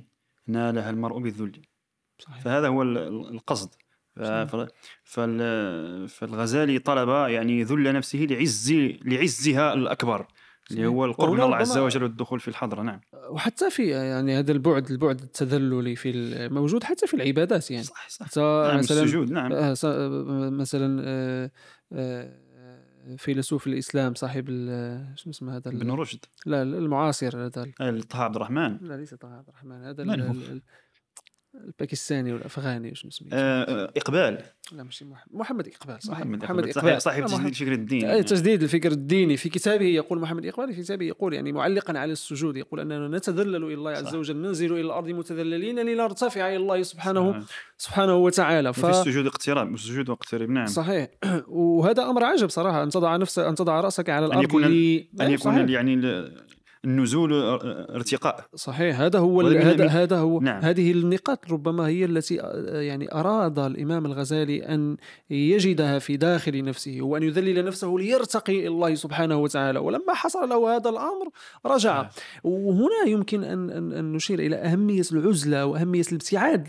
عندما نقول العزلة ليست العزلة عن ال عن ال عن, ال عن الخلق. بشكل عام. عزله شعوريا ربما. صحيح. لا ويمكن أن نقول على أن العزله عزله مكانية. صح. لأنه هو لم لم يبتعد عن التدريس لكنه ابتعد عن الفضاء الذي كان يجد فيه الإمام الغزالي نفسه وهو معجبا به. هي عزلة؟ عزلة بالقلب والقالب. صحيح. لأن هناك فرق بين ال- الخلوة والعزلة. يعني صحيح. عند الصوفية كلام كثير في هذا الباب. صحيح. أنا أريد نعم. أريد أريد أن أشير إلى أن الإمام الغزالي حاول أن يبتعد عن المكان نعم إلى مكان آخر يجد فيه يجد فيه نفسه صح. فيعود بالنفس التي وجدها وليس التي كانها في ذلك صح، المكان صح. ليبدأ غزالي جديد ليس الذي كان ف... وأظن أن هذا هو ال... هو القصد من نعم. العزلة وما أحوجنا صراحة ما. أحوجنا دائما إلى أن يبتعد. الإنسان عن الفضاء الذي هو فيه وأن يبتعد عن كان- ال... كان عن- للمسير ساعة صفاء كما يعبر صحيح. ساعة الصفاء حتى يعني يتعرف على نفسه ويراجعها ويحاسبها ويرتب أوراقه صحيح. نعم آه عاد إلى بغداد بعد يعني عامين من السياحة في أو ثلاث سنوات أو عشر سنوات. آه، يعني. عشر سنوات هذا كبير كثير جدا. لأن قبل ان قبل أن نبدأ كنت طرحت سؤالا صحيح هو صراحة يعني إذا ذهبنا إلى كيف له أن يكتب ما كتب في تلك السنوات وي وينشئ مدرسة هو إذا صحيح هو دابا مثلا إذا إذا نظرنا إلى إلى أغلب التراجم تقول على أن الإمام الغزالي خرج في هذه العزلة سنة آه، 488 نعم. ورجع سنة آه، 490 و98 و98 10 سنوات. أنا أتحدث عن آه، آه، بعد 98 10 سنوات منقطعا فيها عن كل شيء. عن التدريس وعن علاقته بالناس وهنا يحكون تلك القصة التي يعني وهو في الزاوية. جاء رجل يستفتي العلماء فلم يستطيعوا أن يجيبوه. فسأله ما ما مسألتك؟ فأجاب فطرح طيب،, طيب. نعم. لا هو طرح عليه عليه مسألته فأجاب. فبدأ الرجل يصرخ فجاء العلماء قالوا هذا يفتي. ما ما يعني يعني ما ماذا قال أي لك. قال كذا وكذا تفطن العلماء وقالوا أن هذا هذا نعم. الكلام لا يمكن أن يقوله إلا الغزالي فقال أحدهم أنت الغزالي فهرب إلى آخره من. نعم نعم من القصص التي تقال عن هذه عن هذه العزلة إذا قلنا أن العزلة عشر سنوات بمعنى أنه رجع 98 كم بقي؟ آه، بقي لوفاته. 98 سبع سنوات وهو. هناك من يقول على أن بقي معتزلا سنة أخرى ببغداد بمعنى 11 سنة آه، يعني ست سنوات. ست سنوات هل كانت كافية صراحة ليكتب كل هذه الكتب وليعيش هذه ال- الحياة التي آه، على لها علاقة بالابتعاد عن بغداد والرجوع إلى بغداد والابتعاد عن التدريس والرجوع إلى التدريس وتأسيس تأسيس آه، مدرسة وزاوية وإلى آخره من هذه ال- المسائل. هذه صراحة يعني فيها علامة. علامة نعم. تعجب. وأيضا لو قلنا سنتين فيها مسألة. لو قلنا سنتين يعني هل كانت هاتين السنتين مثلا كافية للإمام أبي حامد الغزالي مثلا ليكتب مثلا حتى الإحياء؟ ويكتب المنقذ يعني ويكتب يعني لا والمنقذ متأخر مستصفى. نسبيا لا المنقذ والمستصفى متأخر يعني عن عن التس عن التسعين سنة يعني عن التسعين لو قلنا سنتين من 88 إلى 90 ربما يعني بهذه ال ال ال بهذه ال ال ال القولة ربما نقول على أنه ألف فقط إحياء علوم الدين نعم. ما بعده يعني, يعني في- المستصفى يعني الأكيد أن المستصفى وأن المنقذ من الضلال هو من الكتب الأخيرة نعم، جدا. جداً. ربما في الثلاث أو أربع أو خمس آه، سنوات قبل أشهر من وفاته ألفها وهو يعني يشارف ال- النهاية آه. نعم آه، طبعا آه، الآن كما قلنا يعني رجع بغداد. وكما تذكر كتب التراجم أنه بقي فيها ستة أشهر ممكن هنا في هذه المرحلة نعم. نقف مع كتاب ال- الإحياء آه، لاهميته طبعا آه لأن أهميته و و وفيه يعني كلام كثير جداً جدا, وعليه فتاوى وأمر بالح- بإحراقه. و- وربما ربما حتى في هذه الفترة ربما نتكلم أيضا على على قضية علاقة الغزالي بالحروب الصليبية و- صحيح. وأنه لم يشارك وأن تشغيبات كثيرة يعني ذكرها بع- بعضهم ف- فنبدأ نبدأ بال, بال... كتاب إحياء علوم الدين هو من أشهر صح هو من ال- الكتب في. التصوف وكتاب إحياء علوم الدين كما تقول رسالة القشيري والإحياء. وحكم الجذام يعني. أنواع نعم طيب هي فقط لو نظرنا إلى إلى إلى إلى العنوان إحياء علوم الدين وكأن العلوم ميتة أراد أن يحييها. ربما هذا هذه الفكرة الاستشرافية التي صحيح بالضبط. الله بالضبط الله يرضى عليك. هو ربما كان ناقما على وضع العلوم لأن انشغال العلماء بالمعرفة كان انشغالا آه، بعيدا عن مسألة أساسية ينبغي أن ننتبه إليه هي مسألة الحرية. أنهم كانوا يشتغلون في حدود ما تسمح به السلطة. صحيح. ثم على أن آه، انشغالهم بالعلوم كان. رغبة في الجاه. نعم. وانشغالهم بالعلوم كان إرضاء للعوام. وهذه الأمور كان ناقما الإمام الغزالي عليها. هو كان يريد أن يحيي العلوم من جديد. فحتى لو نظرنا نعم. آه، إحياء علوم الدين. نعم. فحتى لو نظرنا إلى إلى إلى إلى إلى إلى, إلى هذا الكتاب فهو قسمه إلى أربعة أرباع. صحيح. آه، ربع عشرة كتب في كل كتاب. صح. نعم. مجموع بالضبط. نعم. أربعة أربعة. كل ربع فيه عشرة كتب. نعم. ربع العبادات. نعم. وربع العادات. وربع المهلكات. ثم نعم. المنجيات وهذا الترتيب ينبغي أن ننتبه إليه. لماذا قال المهلكات قدمها على المنجيات هذا التقديم ليس آه، عرضيا كما نقول وليس عن اعتباطيا الت- التخلية والتزكية لا ولا- هنا التحليل، طيب نعم. لو لو لو ناقشنا بالجانب الوعظي صحيح. فالواعظ دائما يبتدئ بالمنجيات آه، من خلالها آه،. المنجيات وأن كذا وكذا والجنة والتوبة إلى آخره يرهب. إلى آخره نعم. والإخلاص إلى الله عز وجل ثم بعد ذلك من خلالها ننبه إلى ال- إلى هذه ال- المهلكات. الإمام الغزالي قدم المهلكات على المنجيات وكأنه يقول لنا على أن المهلكات أصبحت مشاعة، سائدة. صح. وهو فصلها مثل وبدأ بالكبر وإلى آخره. بينها الب- أمراض القلوب. نعم. بينها ثم أعطى بعد ذلك الدواء صح. بين الذي هو قدم المنجيات الدواء. وقدمه بالتوبة والإنابة والرجوع إلى الله عز وجل والاستغفار إلى آخره. ربما ربما الإحياء كما ذكرت كأنه يعني حاول أن يلبس الع- العلوم بفقه الآخرة صحيح وبفقه التوجه صحيح. إلى الله عز وجل صحيح. لأن هذا هذا هذا الذي كان مفرغا وهذا اللباس ربما هو الذي يعني نجد له مبررا لتعبير الإحياء صح، صح. فهذا الارتباط هو الذي ربما أعطى إحياء لهذه العلوم لأن العلوم الإسلامية أو العلوم ال- ال- الدينية بشكل عام كلما أفرغت من مقصدها الأساسي وهو إرضاء الله عز وجل وخدمة السنة وخدمة في المقدمة القرآن الكريم وخدمة السنة النبوية. ثانيا كلما ابتعدت عن هذا الأمر أصابها ال- ال- الركود الركود وال- والموت. نعم صحيح. والموت. وهنا ينبغي أن أن نشير إلى مسألة مهمة صراحة وهو أن الإمام الغزالي ربما رجل كان آه، مجددا بمعنى المعاصر الذي نعيشه نحن الآن. هو أصلا اعتقد في نفسه أنه مجدد هو القرن. مجدد. لا هو يعني نعم. أن المجدد بمعناه المعاصر يعني وكأن الإمام الغزالي جاء إلى عصرنا ونظر إلى ما ستؤول إليه المعرفة الإسلامية صحيح، ورجع صحيح، زمانه صحيح، وكتب صحيح. إحياء علوم علوم الدين. وسيستمر هذا آه ربما صحيح. إلى الأبد. و- يعني لربما الإمام الغزالي لوحده لم يكن كافيا. صحيح. فهمتي؟ ومثلا عندما نأتي إلى تهافت كان الفلاسفه صحيح نعم. ومع ذلك ربما قلنا الإمام الغزالي لم يكن يعني, يعني. قادرا على. على يعني هو أشار هو قال. ما قال هو ساهم. قال ما قال نعم. أرسل رسالته من مضى. من من أخذها فقد أخذها ومن لم يأخذها فهو يعني محروم منها وهنا ربما لو رجعنا إلى كتاب التهافت ربما تهافت الفلاسفة سنقف سنشير نعم. مسألة قدرة الإمام الغزالي على التأثير في في الناس وفي في في الباحثين وال وال والمفكرين وأنا وكأني بالإمام الغزالي لو رجع إلى زماننا لو عاد الآن ونظر إلى ما آلت إليه المعرفة الإسلامية لربما أجده سيقول لنا هذا ما كنت أحذركم منه في. كتاب الاحياء لما أو عندما أفرغتم العلوم محتوى الإسلامية ومن- آه. من بعدها الروحاني هذا الذي حدث هذا الذي صار آه رأس أصيبت بالجمود سنقف عن والركود هذا السؤال في على هذا السؤال يعني بشكل يعني مفصل حين نتحدث عن راهنية الغزالي اليوم وهو سؤال مهم جدا. آه، طيب آه، الفتاوى. التي تعلقت بالإحياء. وحرقه والكلام ال- يعني بين قوسين المسيء لبعض العلماء كالطرطوشي والمازري إلى غير ذلك ربما بين قوسين ال- القاضي عياض إلى غير ذلك. يعني ما ما يعني ما الأحوال أو يعني الحيثيات التي يعني تعلقت بهذه بهذه المسألة؟ خصوصا دابا نحن نتحدث عن عن عن عن جهة الغرب الإسلامي صحيح. لأن الطرطوشي وال- والمازري والقاضيات كانوا يعني في فتره علي بن يوسف بن تشافين.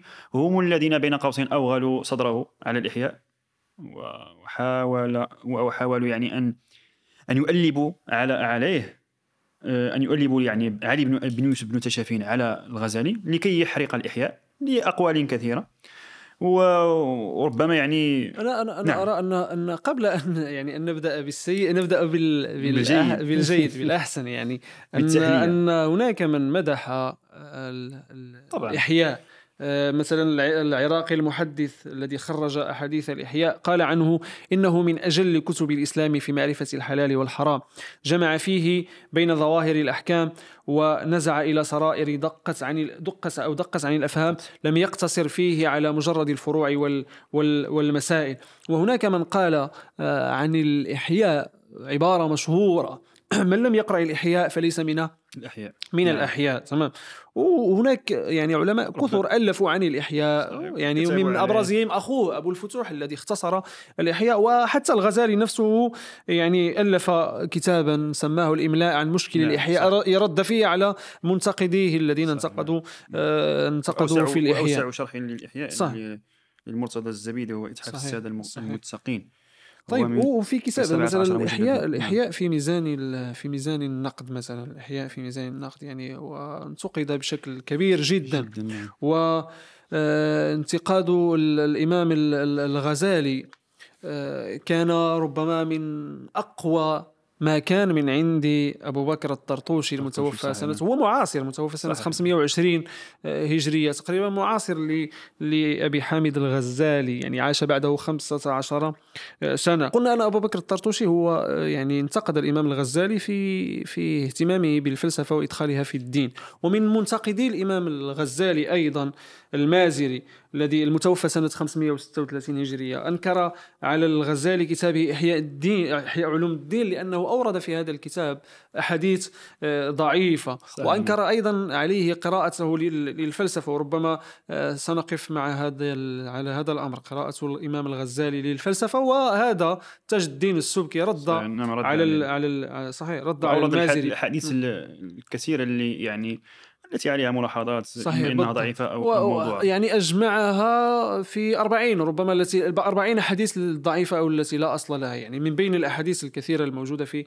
في الإحياء ثم أيضا الذين أساءوا أو, أو لا أقول أساءوا وإنما نقدوا أو نقدا لاذعا الإمام الغزالي هو ابن الصلاح انتقده لأنه أدخل المنطق في علم أصول صحيح، نعم، أصول الفقه. مستصفى، أيضا ابن الجوزي هذا له كلام في مدح الإمام الغزالي وله كلام أيضا في انتقاده نعم. ويمدحه وينتقده وربما يعني هذا هو الأقرب للصواب يعني أن الإمام الغزالي هو ليس رسول رسول من عند الله ربما قد يخطئ. فيعني يعني ينتقده في في في فيما أخطأ ومدحه فيما فيما أصاب. وأنا مما قرأت أن مثلا أبو بكر القاضي ابن العربي، العربي نعم. آه، نعم. تلميذ ال- ال- الغزالي وكان ربما عندما كان يريد أن يرد على شيخه كان يقول على أنه يستحيي أن يرده نعم. إلى آخره لمقام الشيخ والتأدب صحيح تق- نعم. التأدب في في مقامه. أذكر أن ال- أن ال- الامام قاضي عياض أيضا من الذين ب- ب- بإحراق ال- الإحياء. ولكن يعني صاحب ال- اللكنوي الإمام اللكنوي في في الرفع والتكملة يرد على هذه المسألة بان يقول بأن ما وصل ما وصل إلى ال- القاضي عياض هو كتاب يعني أو كتاب للإحياء يعني فيه أو دست فيه أشياء شنيعة يعني ليست من الإحياء فعندما وقف الإمام القاضي عياض على الإحياء يعني على حقيقته في في محاورة شهيرة ذكرها ابن القاضي في في في التعريف صحيح. مع ال- الإمام أبي منصور اللخمي قال بأن الإحياء لو حذفت منه بعض الأشياء صحيح. أو بعض الأحاديث التي يعني يرد البعض بأن لماذا أورد الغزالي هذه وهذه الأحاديث هذه وحتى أن الإمام يعني ابن العربي كما يذكر في قانون التأويل أو ربما في في في, في العواصم بأن الإمام الغزالي بنفسه أخبر ابن العربي بأن بضاعته في في الحديث مزجاة. مزة صحيح. وليست يعني بضاعة ق- قوية. قوية جي- ج- جدا. صحيح. وهذه ال- ال- العبارة التي قلت على أنه و- لو نقح كتاب الإحياء نعم. من أحاديث ضعيفة هو أيضا نفس الفكرة التي قالها ابن تيمية. أيوة. أنه قال الإمام يعني ومدح الإمام الغزالي فقط أنه لو نقحت معرفته بشكل عام من بعضهم؟ بين ال... نعم يقولون بأن الأحاديث التي وضعها في في مم. وضع الأصول. وهذه الأحاديث الضعيفة أو أو, أو بين قوسين الم- الموضوع فهي مذكورة في الأطراف لل يعني للاستئناس فقط. ربما يعني تذكر في باب الفضائل. لأن العلماء الحديث عندهم عندهم يعني مذهب في في في في في, في هذا الباب. صحيح. هو فقط من رجوع إلى المسألة التي أشرت إليها نعم. آه، في إحراق كتاب ال- الإحياء. نعم. إحياء علوم الدين. هنا ربما نجد نجد نجد نجد آه، روايتين اثنتين في في في الباب. هناك رواية آه، يعني نشرها موجودة مثلا عند الزركشي وعند الناصري ونجدها أيضا عند المراكشي وهو أن كتاب الإحياء آه، دخل إلى إلى الأندلس سنة 503 للهجرة يعني قبل نعم. وفاته بسنة أو سنتين قبل وفاة الإمام الغزالي بسنة أو سنتين وكان آه، في ذلك الوقت القاضي الفقيه زعيم الأندلس في في الفتوى والقضاء هو ابن ابن حمدين قاضي الجماعة وهو أستاذ القاضي عياض. نعم. لما قرأوا قرأوا الكتاب اتفقوا بإجماع على فساده. وأمروا أو أفتوا بحرقه. نعم. فهنا علي بن يوسف بن تاشفين آه، جمع الناس وجمع العلماء إلى آخره. جمع الكتب و... كتب الإحياء. أي تمام. وأشبعها زيتا وأحرقها في مسجد في باب مسجد قرطبة تحديدا في الباب الغربي. وعندما نذهب مثلا إلى إلى إلى ابن القطان في نظم الجمان آه، يقول قصة أخرى. وهذه ربما أنا أراها قصة ضعيفة. آه، يقول على أن هناك رجلا أن بينما الإمام الغزالي جالس يدرس فإذا برجل يأتي ملتحيا وعليه لباس الصوف إلى آخره. سأله الإمام الغزالي من أين الرجل؟ فقال له من الأندلس. فأسأل فسأله الغزالي هل وصل الإحياء إلى هناك؟ فقال نعم. وقال ما كان رد العلماء هناك؟ آه، فقال استحيا الرجل بأن يجيب. فألح عليه الإمام الغزالي فقال له لقد أحرقوا الكتاب. فرفع حين ذلك الإمام الغزالي يده. وقال اللهم أحرق دولتهم اللهم دمرهم إلى آخره فسقطت آه، دولة المرابطين وقيام دولة الموحدين. وهذا الرجل كان هو المنصور الذهبي مؤسس الدولة الموحدية. فربما هنا يعني آه، ابن القطان كان قريبا من الموحدين. فهو ربما هنا يعطي صبغة دينية لوجود الدولة الموحدية. لا, لا, لا أقل ولا ولا أكثر. المهم أن كتاب أن كتاب الإحياء أحرق. في في في في الأندلس ويعني لمن أن لمن أراد أن يجد تبريرات محمد يوسف فليذهب إلى له مقاله في في في مجلس دعوة الحق. يعني يعني برر لماذا؟ برر لماذا هذا هذا الاقراء يعني أسبابه ودوافعه إلى آخره. ربما يعني لن نطيل فيها لأن مسألة مسألة مسألة مسألة طيب. حدثت وتحدث ولا زالت وستستمر إلى آخره. وهذه هذه فقط فقط هو أنا أكاد أجزم على أن هذا الإحراق لم يكن آه، موضوعيا ولم يكن لم تكن أسبابه علمية ولا معرفية ولا حتى دينية ولا حديثية ولا أي شيء من هذا وإنما كانت أسبابه آه، سياسية نعم. فقط فقط. لأن دائما السياسيون لو كانت يعني موضوعية لا لمات الاحياء صحيح لأن دائما السياسيون هم الذين يخافون من ال صحيح. من ال وهذا سبب عدم تجرد الفقهاء. عندما يختلطون بالسياسة يفسدون الأمر. ولا لا يعود لهم يعني تلك وهذا الذي دفع عنه عنه يعني الغزالي في في الإحياء. وهذا الذي حاول الغزالي أن يعني يلبسه في في, في إحيائه ب يعني فقه الآخرة والرجوع إلى إلى الله عز وجل وبالإخلاص. طيب السؤال الآخر المتعلق بال, بال بالحروب الصليبية. فهذا أيضا يعني ثار نقاشات كثيرة أن الغزالي يعني ربما يعني لم لم يشارك في الحروب الصليبية وكان لم تكن له نية الجهاد مع العلم بأنه آه، تذكر كتب التراجم والمناقب بان بأن الغزالي كان ذاهبا يعني إلى يوسف بن تشافين ليجاهد معه صحيح ليس كذلك هو يوسف ال ال ال الإمام الغزالي نعم. كان رجلا محبا للصالحين صحيح. وكان ينظر في يوسف بن تشفين على أنه رجل مجاهد وعلى أنه رجل صالح ورجل مصلح صحيح. وهناك روايات. تقول على أن الإمام أبي حامد الغزالي خرج صحيح. قاصدا يوسف بن تشفين ليعينه في في في جهاده وفي دعوته إلى الله سبحانه وتعالى لإعلاء كلمة لا إله إلا الله وفي نصف الطريق وصل إليه خبر أن آه، ابن يوسف بن تشفين قد توفي فرجع أدراجه وهناك رسالة فتوى أرسلها آه، الإمام أبي حامد الغزالي إلى يوسف بن تشفين هذا يدل على أن هناك علاقة نعم. تواصلية نعم. بين آه، آه، يوسف بن نعم. تشفين وبين الإمام الغزالي كان الإمام يوسف بن تشفين الملك يطلب ربما الفتوى ويطلب النصح ويطلب الإرشاد من من من من من الإمام أبي حامد الغزالي. المسألة لنعود مثلا إلى مسألة الجهاد وهل فعلا الإمام الغزالي لم يشارك في في. في الحروب ال- ال- الصليبية؟ هذه المسألة يعني يعني من الأمور التي يعني اتهم فيها الإمام أبي حامد ال- ال- الغزالي. وينبغي أن نشير إلى أن الحروب الصليبية نسبة إلى الصليب لأن الأوروبيين صحيح. خرجوا قاصدين آه، بلاد المقدس، نعم. الإسلام نعم. الشام وما حولها العراق إلى إلى إلى إيران إلى آخره لإدخالها إلى الدين النصراني وإرجاعها من المسلمين وكانوا يحملون معهم الصليب فكان الصليب رمزا آه، عليهم نعم. وكان يقوم عليهم ال- القساوسة يعني يدعونهم ويشجعونهم ويوعظونهم ويملؤون قلوبهم بالحقد على المسلمين إلى إلى آخره وفي مقابل هذا كانت مثلا الدولة السلجوقية كانوا مهتمين بال- بالملك ومن يأخذ السلطة عن من؟ ومشكل الأخوات والإخوان وتقسيمهم لل... لل... نعم. للبلدان هكذا وهكذا. فالإمام الغزالي كان ربما يرى في نفسه أنه ليس مسؤولا عن الجهاد المادي الحسي الجهاد بالسيف. وهنا إصلاح السلطاني اولى صحيح من طيب نعم. بالضبط الله يرضى عليك. فهو كان يقول على أن أو كان ينظر إلى أن الجهاد آه، نتيجة. ثلاثة نعم. أنواع بالضبط ثلاثة أنواع. النوع الأول هو الجهاد التربوي ثم الجهاد التنظيمي ثم الجهاد ال- ال- ال- العسكري. فهو الجهاد التربوي مرتبط بتربية النفس. مرتبط في إرجاع العوام إلى التعلق بالله سبحانه وتعالى وتحقيق الإخلاص لهم.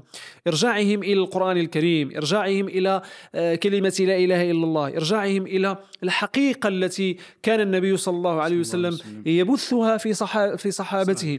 ثم بعد هذا عندما يعني آه يعني آه تقع اللبنة في موضعها وتحدث نعم. ويتأسس الأساس ويصبح الناس متشعبين بالإيمان إلى آخره. ننتقل إلى مرتبة ثانية من الجهاد وهي الجهاد التنظيمي بمعنى أن نختار سلاطين أو أن نختار قادة مرتبطين بالله سبحانه وتعالى ومتشعبين بحقيقة الجهاد وأنهم آه، لا علاقة لهم بالدنيا وبحبها وبرغبتها وإنما يرغبون في الله سبحانه وتعالى وما عنده. بعد هذه المرتبة تأتي آه، يعني ال- يأتي الجهاد العسكري صحيح. وهنا يمكن أن نفهم آه، أن الإمام الغزالي أو يمكن أن ننظر إلى أن الإمام الغزالي فعلا فهم روح الدين الإسلامي لأن لأننا إذا نظرنا إلى رسول الله صلى الله عليه وسلم متى فرض الجهاد؟ كان في مرحلة المكية وهم يعتدون عليهم إلى آخره. هذه المرحلة كلها كان البناء التربوي. نعم. بعد سنتين من البناء التنظيمي أذن الله عز وجل به بالجهاد. أذن الذين يقاتلون بأنهم ظلموا وإن الله على نصرهم. نعم. لقدير. قدير نعم.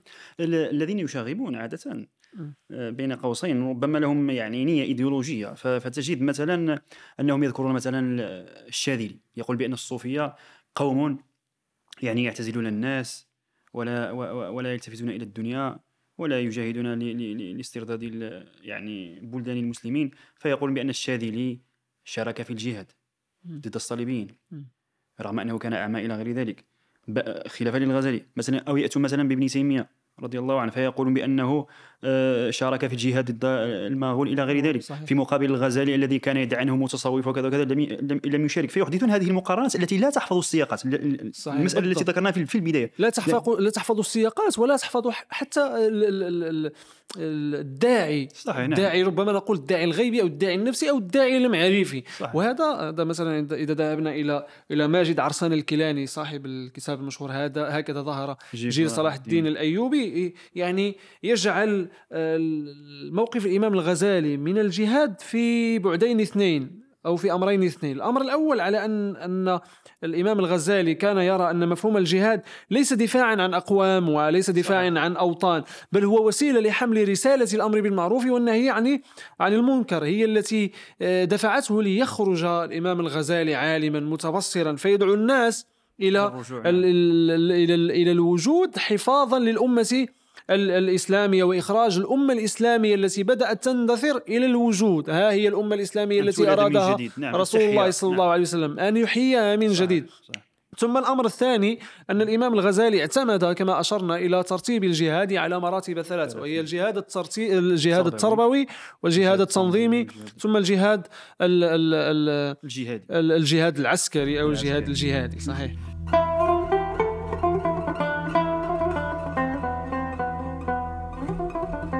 طيب آه، نقفل هذا ال- هذا ال- هذا الملف. صحيح. لأنه ملف طويل وشائك آه، صراحة. طبعا آه، مم. بقيت لدينا يعني أسئلة يعني قليلة إن شاء الله ونختم. فنقف عند كتب الغزالي.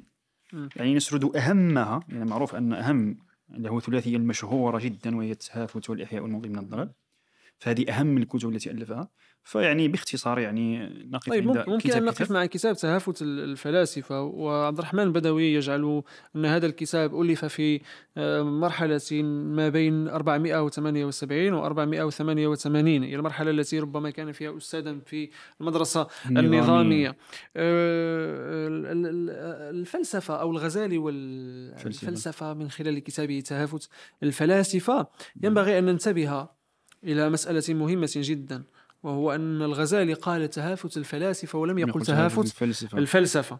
وهذا الكتاب قسمه الإمام الغزالي إلى ثلاثة أقسام. نعم. آه، آه، قسم الدهريون والطبيعيون والإلهيون. ومن خلال هذا الكتاب نجد أن الإمام الغزالي آه، اهتم بأهم المسائل التي خالف فيها الفلاسفة المعتقد الإسلامي. آه، آه، نعم. وهذه المسائل قسمها إلى قسمين. سبعة عشر مسألة لا توجب صحيح. الكفر نعم.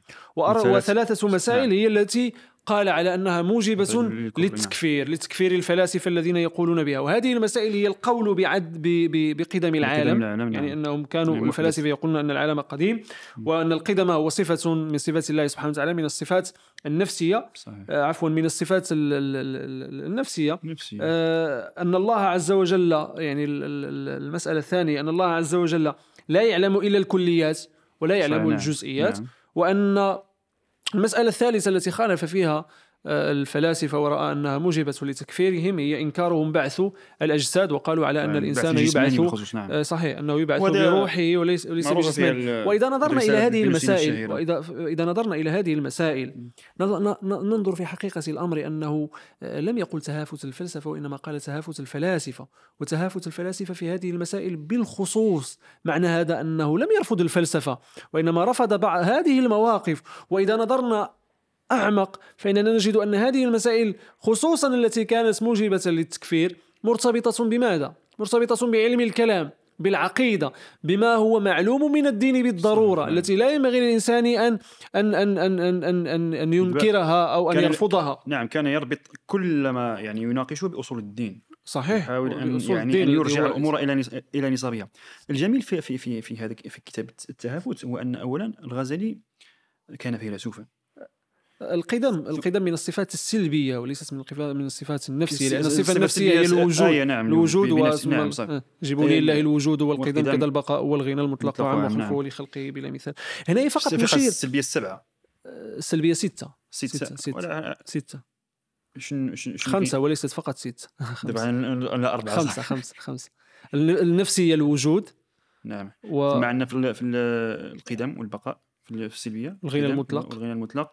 القدرة لا ماشي القدرة. لا مش القدرة. آه، أربعة. بقي بقي وخلف واحدة. المخالفة للحوادث. نعم مخالفته للحوادث. نعم صح خمسة. خمسة. طيب قلت أنا بأن الف... الف... هذيك ال- المعاني وقدرة إرادة علم حي سمع كلام بصر ذي واجبات والمعنوية أن يكون قادرا أن يكون عالما أن يكون كذا. هذه صفات الله عز وجل. المهم نعم. آه، هي فقط نريد عند نرجع طيب. إلى إلى إلى نقاشنا. إلى إلى نقطة ربما يعني مثلا الفلسفة.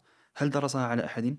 درسها على نفسه ربما طيب. يقول هم الكثير يقول أنه درسها على نفسه آه، حتى أنه عندما يعني استوت وتمع- مم. تع- مم. تعمق فيها مم. وأصبح فيلسوفا. قادرا على الرد على على على الفلاسفة قال عبارته في المنقذ من الضلال أنه لم يجد أحدا يستطيع أن يرد عليهم غيري. فهذا ربما هو ال- هو الذي دفعه إلى أن يكتب تهافت الفلاسفة هو الإمام الإمام الغزالي رحمة نعم. الله عليه سلك منهجا عظيما جدا. حبذا لو لو لو نسلكه نحن جميعا هو قبل أن ننقذ أي معرفة كيفما كان نوعها لا بد.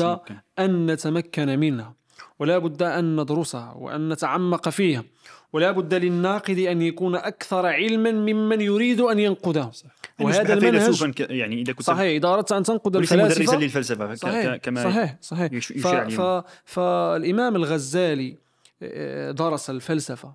وهل درسها على نفسه أم درسها على آه، اساتذه هو مما يقال أو من الأشياء التي درسها على ابي علي المعالي الجويني الفلسفة. ربما قد يكون درس المبادئ ربما قد يكون درس نعم. بعض الكتب للإمام أو المسائل في علم الكلام أو- المرتبطه بعلم آخره والمعرفة. إلى آخره. لكن الرجل هو رجل عالم له القدرة على أن أن, أن يقرأ ال- ال- الفلسفة بنفسه فألف كتابه مقاصد مقاصد الفلاسفة. وهنا استحضر عبارة يعني جميلة للإمام أبي حامد الغزالي يقول فيها إن رد المذهب قبل فهمه والاطلاع على كنهه رمي في عمايه صحيح. بمعنى أنها أنه كلام فارغ يعني ان الإنسان الذي ينقد من دون أن يكون عالما بما ينقده عن- عالما بحقيقته بأجزائه بتفاصيله بأبعاده بسياقاته وهذا الذي. يشاع اليوم. آه.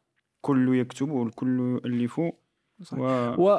والإمام الغزالي آه، نعم. كتب هذا تهافت الفلاسفة وقلنا نريد أن نؤكد على مسألة مهمة وهو أنه لم ينقد الفلسفة وإنما صحيح. آه، نقد الفلاسفة ربما ربما نستحضر ابن العربي صحيح، في مقولته عندما قال نعم نعم قال آه، أن أن الش- الغزالي ابتلع بلع بلع الفلاسفة ولم يقل بلع نعم. الفلسفة وهذه ذكاء من الإمام ابن العربي أيضا لأنه قلت- تهافت الفلاسفة قلت أنه مدح وليس ومدح ربما أنا أنا اعتبر أنا أعتبره ذما خصوصا عندما رد فقال يعني أكمل ال- الكلام فقال ولم يستطع أن يقيئهم. يعني أنه يعني تلبس بهم فأثروا عليه يعني و وحولوه طيب عن هنا ربما يعني علينا ان ان ان ننظر إلى مفهوم الفلاسفة وننظر إلى نعم. مفهوم الفلسفة خصوصا وأن الفلسفة نجد- التي درسها لم- ساقول طيب ليست عندما. نجد نجد الإمام الغزالي رحمة الله عليه هو يقبل الرياضيات ويقبل طبعاً. المنطق وهذه كلها فروع من فروع الفلسفة صحيح، صحيح. طيب وعندما نقول أن الإمام آه، آه، آه، ابن العربي بلع الفلاسفة ولم يستطيع أن يتقي الغزالي، نعم. الغزالي عندما يقول ابن العربي عن- الغزالي بلع الغزالي، الفلاسفة ولم يستطيع أن يقيهم أن يتقيهم يقيهم، نعم. أن يقيهم صحيح أن يقيهم أن يقيهم. نعم زيد آه، قلنا هذا مدح وليس ذم في حقيقة له لماذا؟ هذا مذهب لأنه اعتراف ضمني من الإمام ابن العربي على أن- أن نعم، الإمام. الغزالي فلا فيلسوف. في فيلسوف. فيلسوف وليس فيلسوف واحد وإنما فلاسفة داخلة وابتلعهم كلهم فلذلك هو ف... آه طيب ولذلك هو مدح نعم. وليس ذم آه، خصوصا الجزء الأولي فقط من الكلام أما عندما قال ف... لم يستطع أن. يقيهم بمعنى بمعنى هذا نعم. لم يستطع أن يقيهم بمعنى لم يستطع الرجل أن يتجرد عن عن ال- عن الفلسفة. التفلسف في كتاباته. وأعماله وهذا. يعني آه، يعني أنا طيب نمر إلى الكتاب اللي تكلمنا عنه نعم. بقي المنقذ من الضلال والذي كتب في آه، أواخر ممكن. حياته آه،. المنقذ من الضلال يعتبر يعني سيرة ذاتية فكرية صحيح. ف وك- وكذلك المستصفى وكذلك في المنطق عند- عنده محك النظر ومعيار العلم وفي الفلسفة المقاصد والتف- التهافت كما ذكرنا وفي في الفقه الوجيز والبسيط وال- والخلاصة والوسيط وكذلك رسائله الشهيرة إلى صحيح، السنجر. رسائل مهمه ال- جدا. صحيح. وفي في آخر يعني اللقاء سنشير إلى كتابين مهمين زعما أو كتاب الآخر هي كتاب يعني لل- للمتعة. ف فالان ننتقل إلى سؤال ربما يكون هو الأخير. يعني يعني ممكن مثلا أنا أو أو سؤالين. آه، السؤال يعني متعلق بال براهنيه الغزالي اليوم.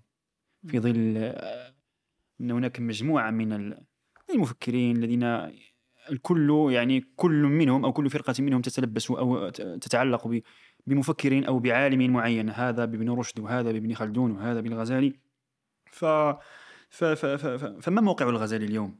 ما يعني ما حاجتنا إليه؟ ما ما ونحن يعني نستحضر ماذا قلته يعني عن الإحياء و و و واقعية الإحياء اليوم كأن الغزالي يعني جاء إلى واقعنا وتحدث عن عن, الإحياء ب يعني بما نفهمه وبمفاهيمه هو من من واقعنا وأنه ما زال يعني مستمر معنا أو مستمرا معنا إلى ال- إلى الأبد. فيعني ما ما- ماذا يمكن أن يقال في في في, في هذه طيب النقطة نحن هل نحن الآن في حاجة نعم. إلى الإمام الغزالي ممكن ان يعني أن الامام نقول على أن الإمام الغزالي دائما كان محط نقاش وحياته يعني صحيح. لم تكن يعني الكلام لم. يض... لم نعم. تكن مضبوطة والأدلة على ذلك على أن هناك من يقول العزلة سنتين إلى آخره كذا كذا نقاش آه، طويل وحياته غامضة نعم. وحياته غامضة إن شاء بهذه العبارة إيه، نعم. إن صح التعبير يعني نعم.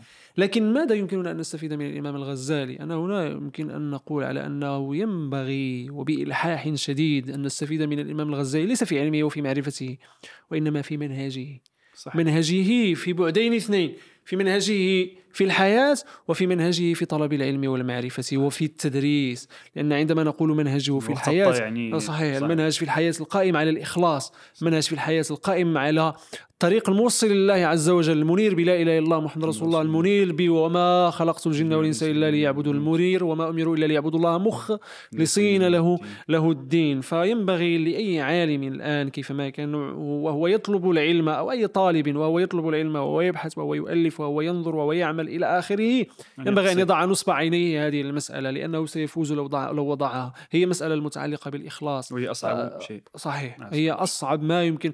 آه، ليس ليس ليس بين الإنسان وبين الله سبحانه وتعالى ومرضاة الله عز وجل إلا أن يحقق إلا أن يحقق الإخلاص. الأعمال صور قائمة وأرواحها وجود سر الإخلاص الإخلاص فيها. كل أعمالنا هي ميتة إذا لم يكن فيها فيها الإخلاص. ربما نجد, نجد نأتي الله عز وجل بجبال من الأعمال فتذهب هباء. هباء منثورا. نسأل الله أن لا يجعلنا منهم. ثم في معرفة الإمام الغزالي لأن الرجل كان موسوعة جدا. في الأخلاق في التربية في في المنطق في علاقة الفلسفة بالعلوم الإسلامية في التصوف في والفقه، الأصول نعم. نحن في أمس الحاجة إلى نرى هذه هذه هذه نعم. آه، أن في أمس الحاجة إلى هذه المعرفة خصوصا لو جئنا الآن إلى النقاش الدائر حول قراءة القرآن وحول فهم القرآن الكريم انطلاقا من نظريات من النظريات التأويلية ال- ال- المعاصرة لا. ينبغي أبدا أن نغفل المستصفى ولا. يمكن أبدا أن نغفل آه، يعني إرشادات الإمام الغزالي في في كتابه طيب. وإشاراته آه، نقطة مهمة آه، مكملة للسؤال مثلا طالب العلم الآن إذا أراد أن يعني يقبل على الغزالي ويقرأ كتبه بماذا يمكن أن يبدأ مثلا؟ مثلا بالم- بالمنقذ مثلا إنه يعني يحيط ب بسيرته يعني في مجموعها. طيب هو هو دابا آه، أو أنه هذا يعني لابد أن أن يكون ممتلكا للأدوات. صحيح قبل أن هذه يعني هذه نتكلم عن المستصفى. نعم حينما نتكلم عن المستصفى لابد أن تكون يعني قد مررت من صحيح. كتب كثيرة بدءا صحيح. الجويني. إلى غير ذلك يعني فلا بد. من من طلب العلم شوف الإحياء العلم. ربما الإحياء ربما يعني يستطيع الإنسان أن آه، يقبل عليه وعظي ولو منه. يعني. لغته يعني صحيح صحيح قوية طيب. نعم آه، يعني الإنسان من أين ينبغي أن ي- أن يبدأ هذا سؤال ينبغي أن يطرح على العلماء الأجلاء الكبار هم آه، الذين نعم، يعني نحن لازلنا. نحن أيضا نحن لازلنا في البداية نحن فقط. نناقش نعم. يعني. لكن يعني يمكن أن نقول على أن المعرفة دائما تبدأ من واحد ثم اثنان ثم ثلاثة نعم. ثم أربعة إلى آخره ولا يمكن فقط بالإمام تتجاوز، نعم. الغزالي دون أن تعرف يعني الأدوات الضرورية دون أن صحيح. على الأقل أن تتعلم النحو العربي إلى آخره اللي هي العلوم الآلة التي هي مفتاح العلم النحو زين للفتى يكرمه حين- حيث أتى من لم يكن يعرفه فحق له أن يصمت أو أن يسكت فيعني أهم شيء هو هذا البداية بال بعلوم الآلة. ثم يعني شيئا فشيئا حتى يرتقي. يصل الإنسان إلى القدرة على فهم الإمام الغزالي وإذا أراد الشخص حقيقة أن يقرأ الإمام الغزالي فيعني ربما أهم شيء أو أول شيء ينبغي أن يفعله الإنسان هو أن يقرأ المنقذ من الضلال لأنه يضعه يضعه سكة في الغزالي، آه، نعم. صحيح ولأن الغزالي يتحدث فيه عن نفسه ويمكن أن نشير على أن المنقذ من الضلال يعني حتى في تأليفه ربما يقول في مقدمته أنه ألفه بطلب من أحد ال- من أحد ال- خير أحد- الدين أظن نعم. صحيح ومن أحد الرجال وقال من أحد طلبني أحد الرجال إلى آخره فألف هذا الكتاب لكن نعم. هو عبارة عن سيرة ذاتية وإن لم تكن ليست سيرة ذاتية ب- ب- ال- نعم. بمفهومها ال- ال- المعاصر النقدي فيعني طيب تبقى أنا أنا ربما يعني أنصح أنصح القارئ أو المستمع آه، قبل أن يبدأ ب يعني بالغزالي ربما يتعرف عليه من خلال هذه الرواية. ربما يعني طواسين الغزال. تواصيل الغزالي لعبد بن عرفة. وحاول أن يعني يمزج الحقيقة بالخيال من خلال تراجم الغزالي ثم يضيف يعني بعض ال- كما نقولوا هنا الملح الظراف. فهي رواية يعني لن لن, تملوها يعني ستخرجون منها بإضافات مهمة جدا وستتعشقونها. ثم عندي أنا ك- كتاب كتاب مهم وخصوصا الجزء الأول فيه ربما هذا يعني مكمل لل لل- للمنقذ من الضلال. فهذا يعني حاول أن الأول يتحدث أن أن يترجم وأن نعم. يعني يحدد مسارات الإمام الغزالي عبر فرانك غريفل راه ترجم مؤخرا الغزالي. والكلام. الجزء الثاني صعب جدا لأن راه يحتاج الإنسان إلى كما قلنا امتلاك الأدوات وأن يكون يعني على دراية بال- ربما الجزء الأول هو مفتاح للجزء الثاني يعني فقط الجزء الأول يعني حاول أن يجمع ما كتب في تراجم الغزالي وأن يحقق وأن يدققها صحيح نعم طيب طيب و... و... صراحة من نعم. أراد أن يقرأ الإمام الغزالي أو أن يقرأ عن الإمام الغزالي عن عزلته عن مساره فهو لن يجد خيرا من هذا الكتاب لماذا؟ لأنه لخص كل ما صحيح. تفرق في غيره صحيح وجمعه ونقحه ورتبه وطرح الضعيف منه وأبقى على. على القوي فأعطى خلصات آه، يعني مهمة ومهمة ممتاز ممتاز بشكل كبير جدا لابد أن نذكر بال... بالرسالات الجميلة واللطيفة الرساله الولدية آه صحيح. للإمام أبي حميد الغزالي. ربما هذه فيها واحد نوع من ال- الحنان واحد نوع من الرقة التي وجه بها الغزالي رسالته إلى الولدان أو إلى الشباب عموما. فيعني قراءتها يعني واجب ورا وفلسفته بث فيها فلسفته الأخلاقية. نعم وأنا اتذكر فيها- عندي صديق عندي أتذكر صديق. آه، في مرحلة الطلب الجامعي. في نفس السكن الف آه، لا يعني نسأل الله يعني اني اتمنى أن أن يكون قد أكمل هذا الأمر مع المال مزيان جميل. المهم آه، كتب بحثا في فلسفة ال- الأخلاق. فلسفة الإمام الغزالي الأخلاقي انطلاقا من هذه الرسالة. جميل جدا. وأنت تذكر مقولة جميلة جدا في هذا الكتاب يقول فيها الإمام أبي حامد الغزالي العلم بغير عمل جنون صحيح. والعمل بغير علم لا يكون. صحيح. فهذا هو مدار العلم ولا- ال- الإخلاص أو صح. مقلوب أنا لا أدري هل ضبطتها فهذا هو الإخلاص طيب ممكن أن أقول آه، فكرة فكرة مرتبطة بال- بالفلسفة أنا نسيتها آه، صراحة أنا عندما عندما يعني. صحيح نعم. ونختم الكلمة عندك صراحة نختم تفضل. بكلمة ختامية بعد ذلك أه آه، مما ينسب إلى الإمام الغزالي في علاقته بالفلسفة ينسب له كتاب المظنون به على غير أهله نعم. وهذا الكتاب كثير من الناس أو كثير من الباحثين قالوا على أنه لا يصح. ولا يصح نسبته إليه. وهو مطبوع على فكرة. وهو يتحدث عن ال- الفلسفة وأبعادها وأعماقها إلى آخره. فمما قرأته في فترة الطلب الجامعي وكنا كنا جالسين أنا وأحد أحد الأصدقاء وزكريا عافر كنا جالسين نناقش فلسفة الإمام أبي حامد الغزالي أو علاقة الإمام أبي حامد الغزالي بالفلسفة. فوجدنا أن باحثا يقول على أن الإمام أبي حامد الغزالي كان آه، يعني يظهر غير ما يخفي يظهر أنه ناقد ويعني طارح للفلسفة وهو في حقيقة الأمر متشعب ومتشرب لل- للفلسفة فكتب م- به على غير أهله. فقال معلقا الصديق هذا فيلم الرعب وليس هذا فيلم الرعب هذا ماشي. يعني لأن الرجل يعني يعيش شيئا مغرق، في آه. ظاهره ويعيش شيئا في خفيته يعني ولكن نعم. علينا. يبدي أكثر مما ما يعني أو يعني. يخفي أكثر مما ما يبدي. المهم. طيب صراحة الغزالي لا يمكن إدراك لا, لا يمكن أن ندرك شأوه. وكما قال الميهاني لا يعرف فضل وعلم هذا الرجل علم هذا الرجل. وفضله إلا من قارب أو اكتمل في عقله. صحيح. وكما آه، قال أحدهم أن أن الإمام الغزالي يعني يمثل يعني يعني شخصية إنسانية فريدة. لا يدرك يدرك شأوها. وحتى عدهم يعني بعض بعض المعاصرين الغ- الغرب- الغربيين يعدون الإمام أبي حامد الغزالي من أعتى العقول البشرية في التاريخ صحيح وإذا تحدثنا عن صحيح.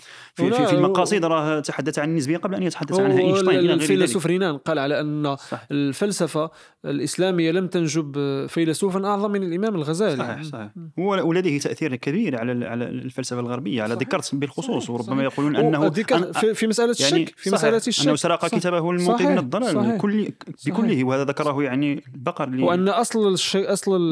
الفلسفة كيف أرخ ديكارت الفلسفة. على الشك أخذها من صحيح. من الإمام الغزالي إذا لا, يمكن الإحاطة ب- بالغزالي ونحن حاولنا أن نقترب حاولنا أن نجمل الكلام وقد كنت موفقا أخي العزيز في يعني جزاك الله خيرا في- في ونسأل الله عز وجل أن أن يعني أن يغفر لنا ما أخطأنا صحيح وهذا التجرؤ على نعم. أنا أراه صحيح. تجرؤا في حقيقة الأمر على الإمام وإن- إن الغزالي من- ونطلب من نعم. السامعين أن صحيح. يغفروا لنا هذا التجرؤ يعني إن كان يعني من بركة فهذا ببركة يعني ال- الإمام الإمام ال- الغزالي صحيح التي يعني ما زالت يعني تسري وهي شذرات هي نعم. شذرات يعني يعني قد نكون أخطأنا وقد أو قد نكون حاولنا. أن نقارب حاولنا صح، أن نقارب. بقدر الإمكان ف...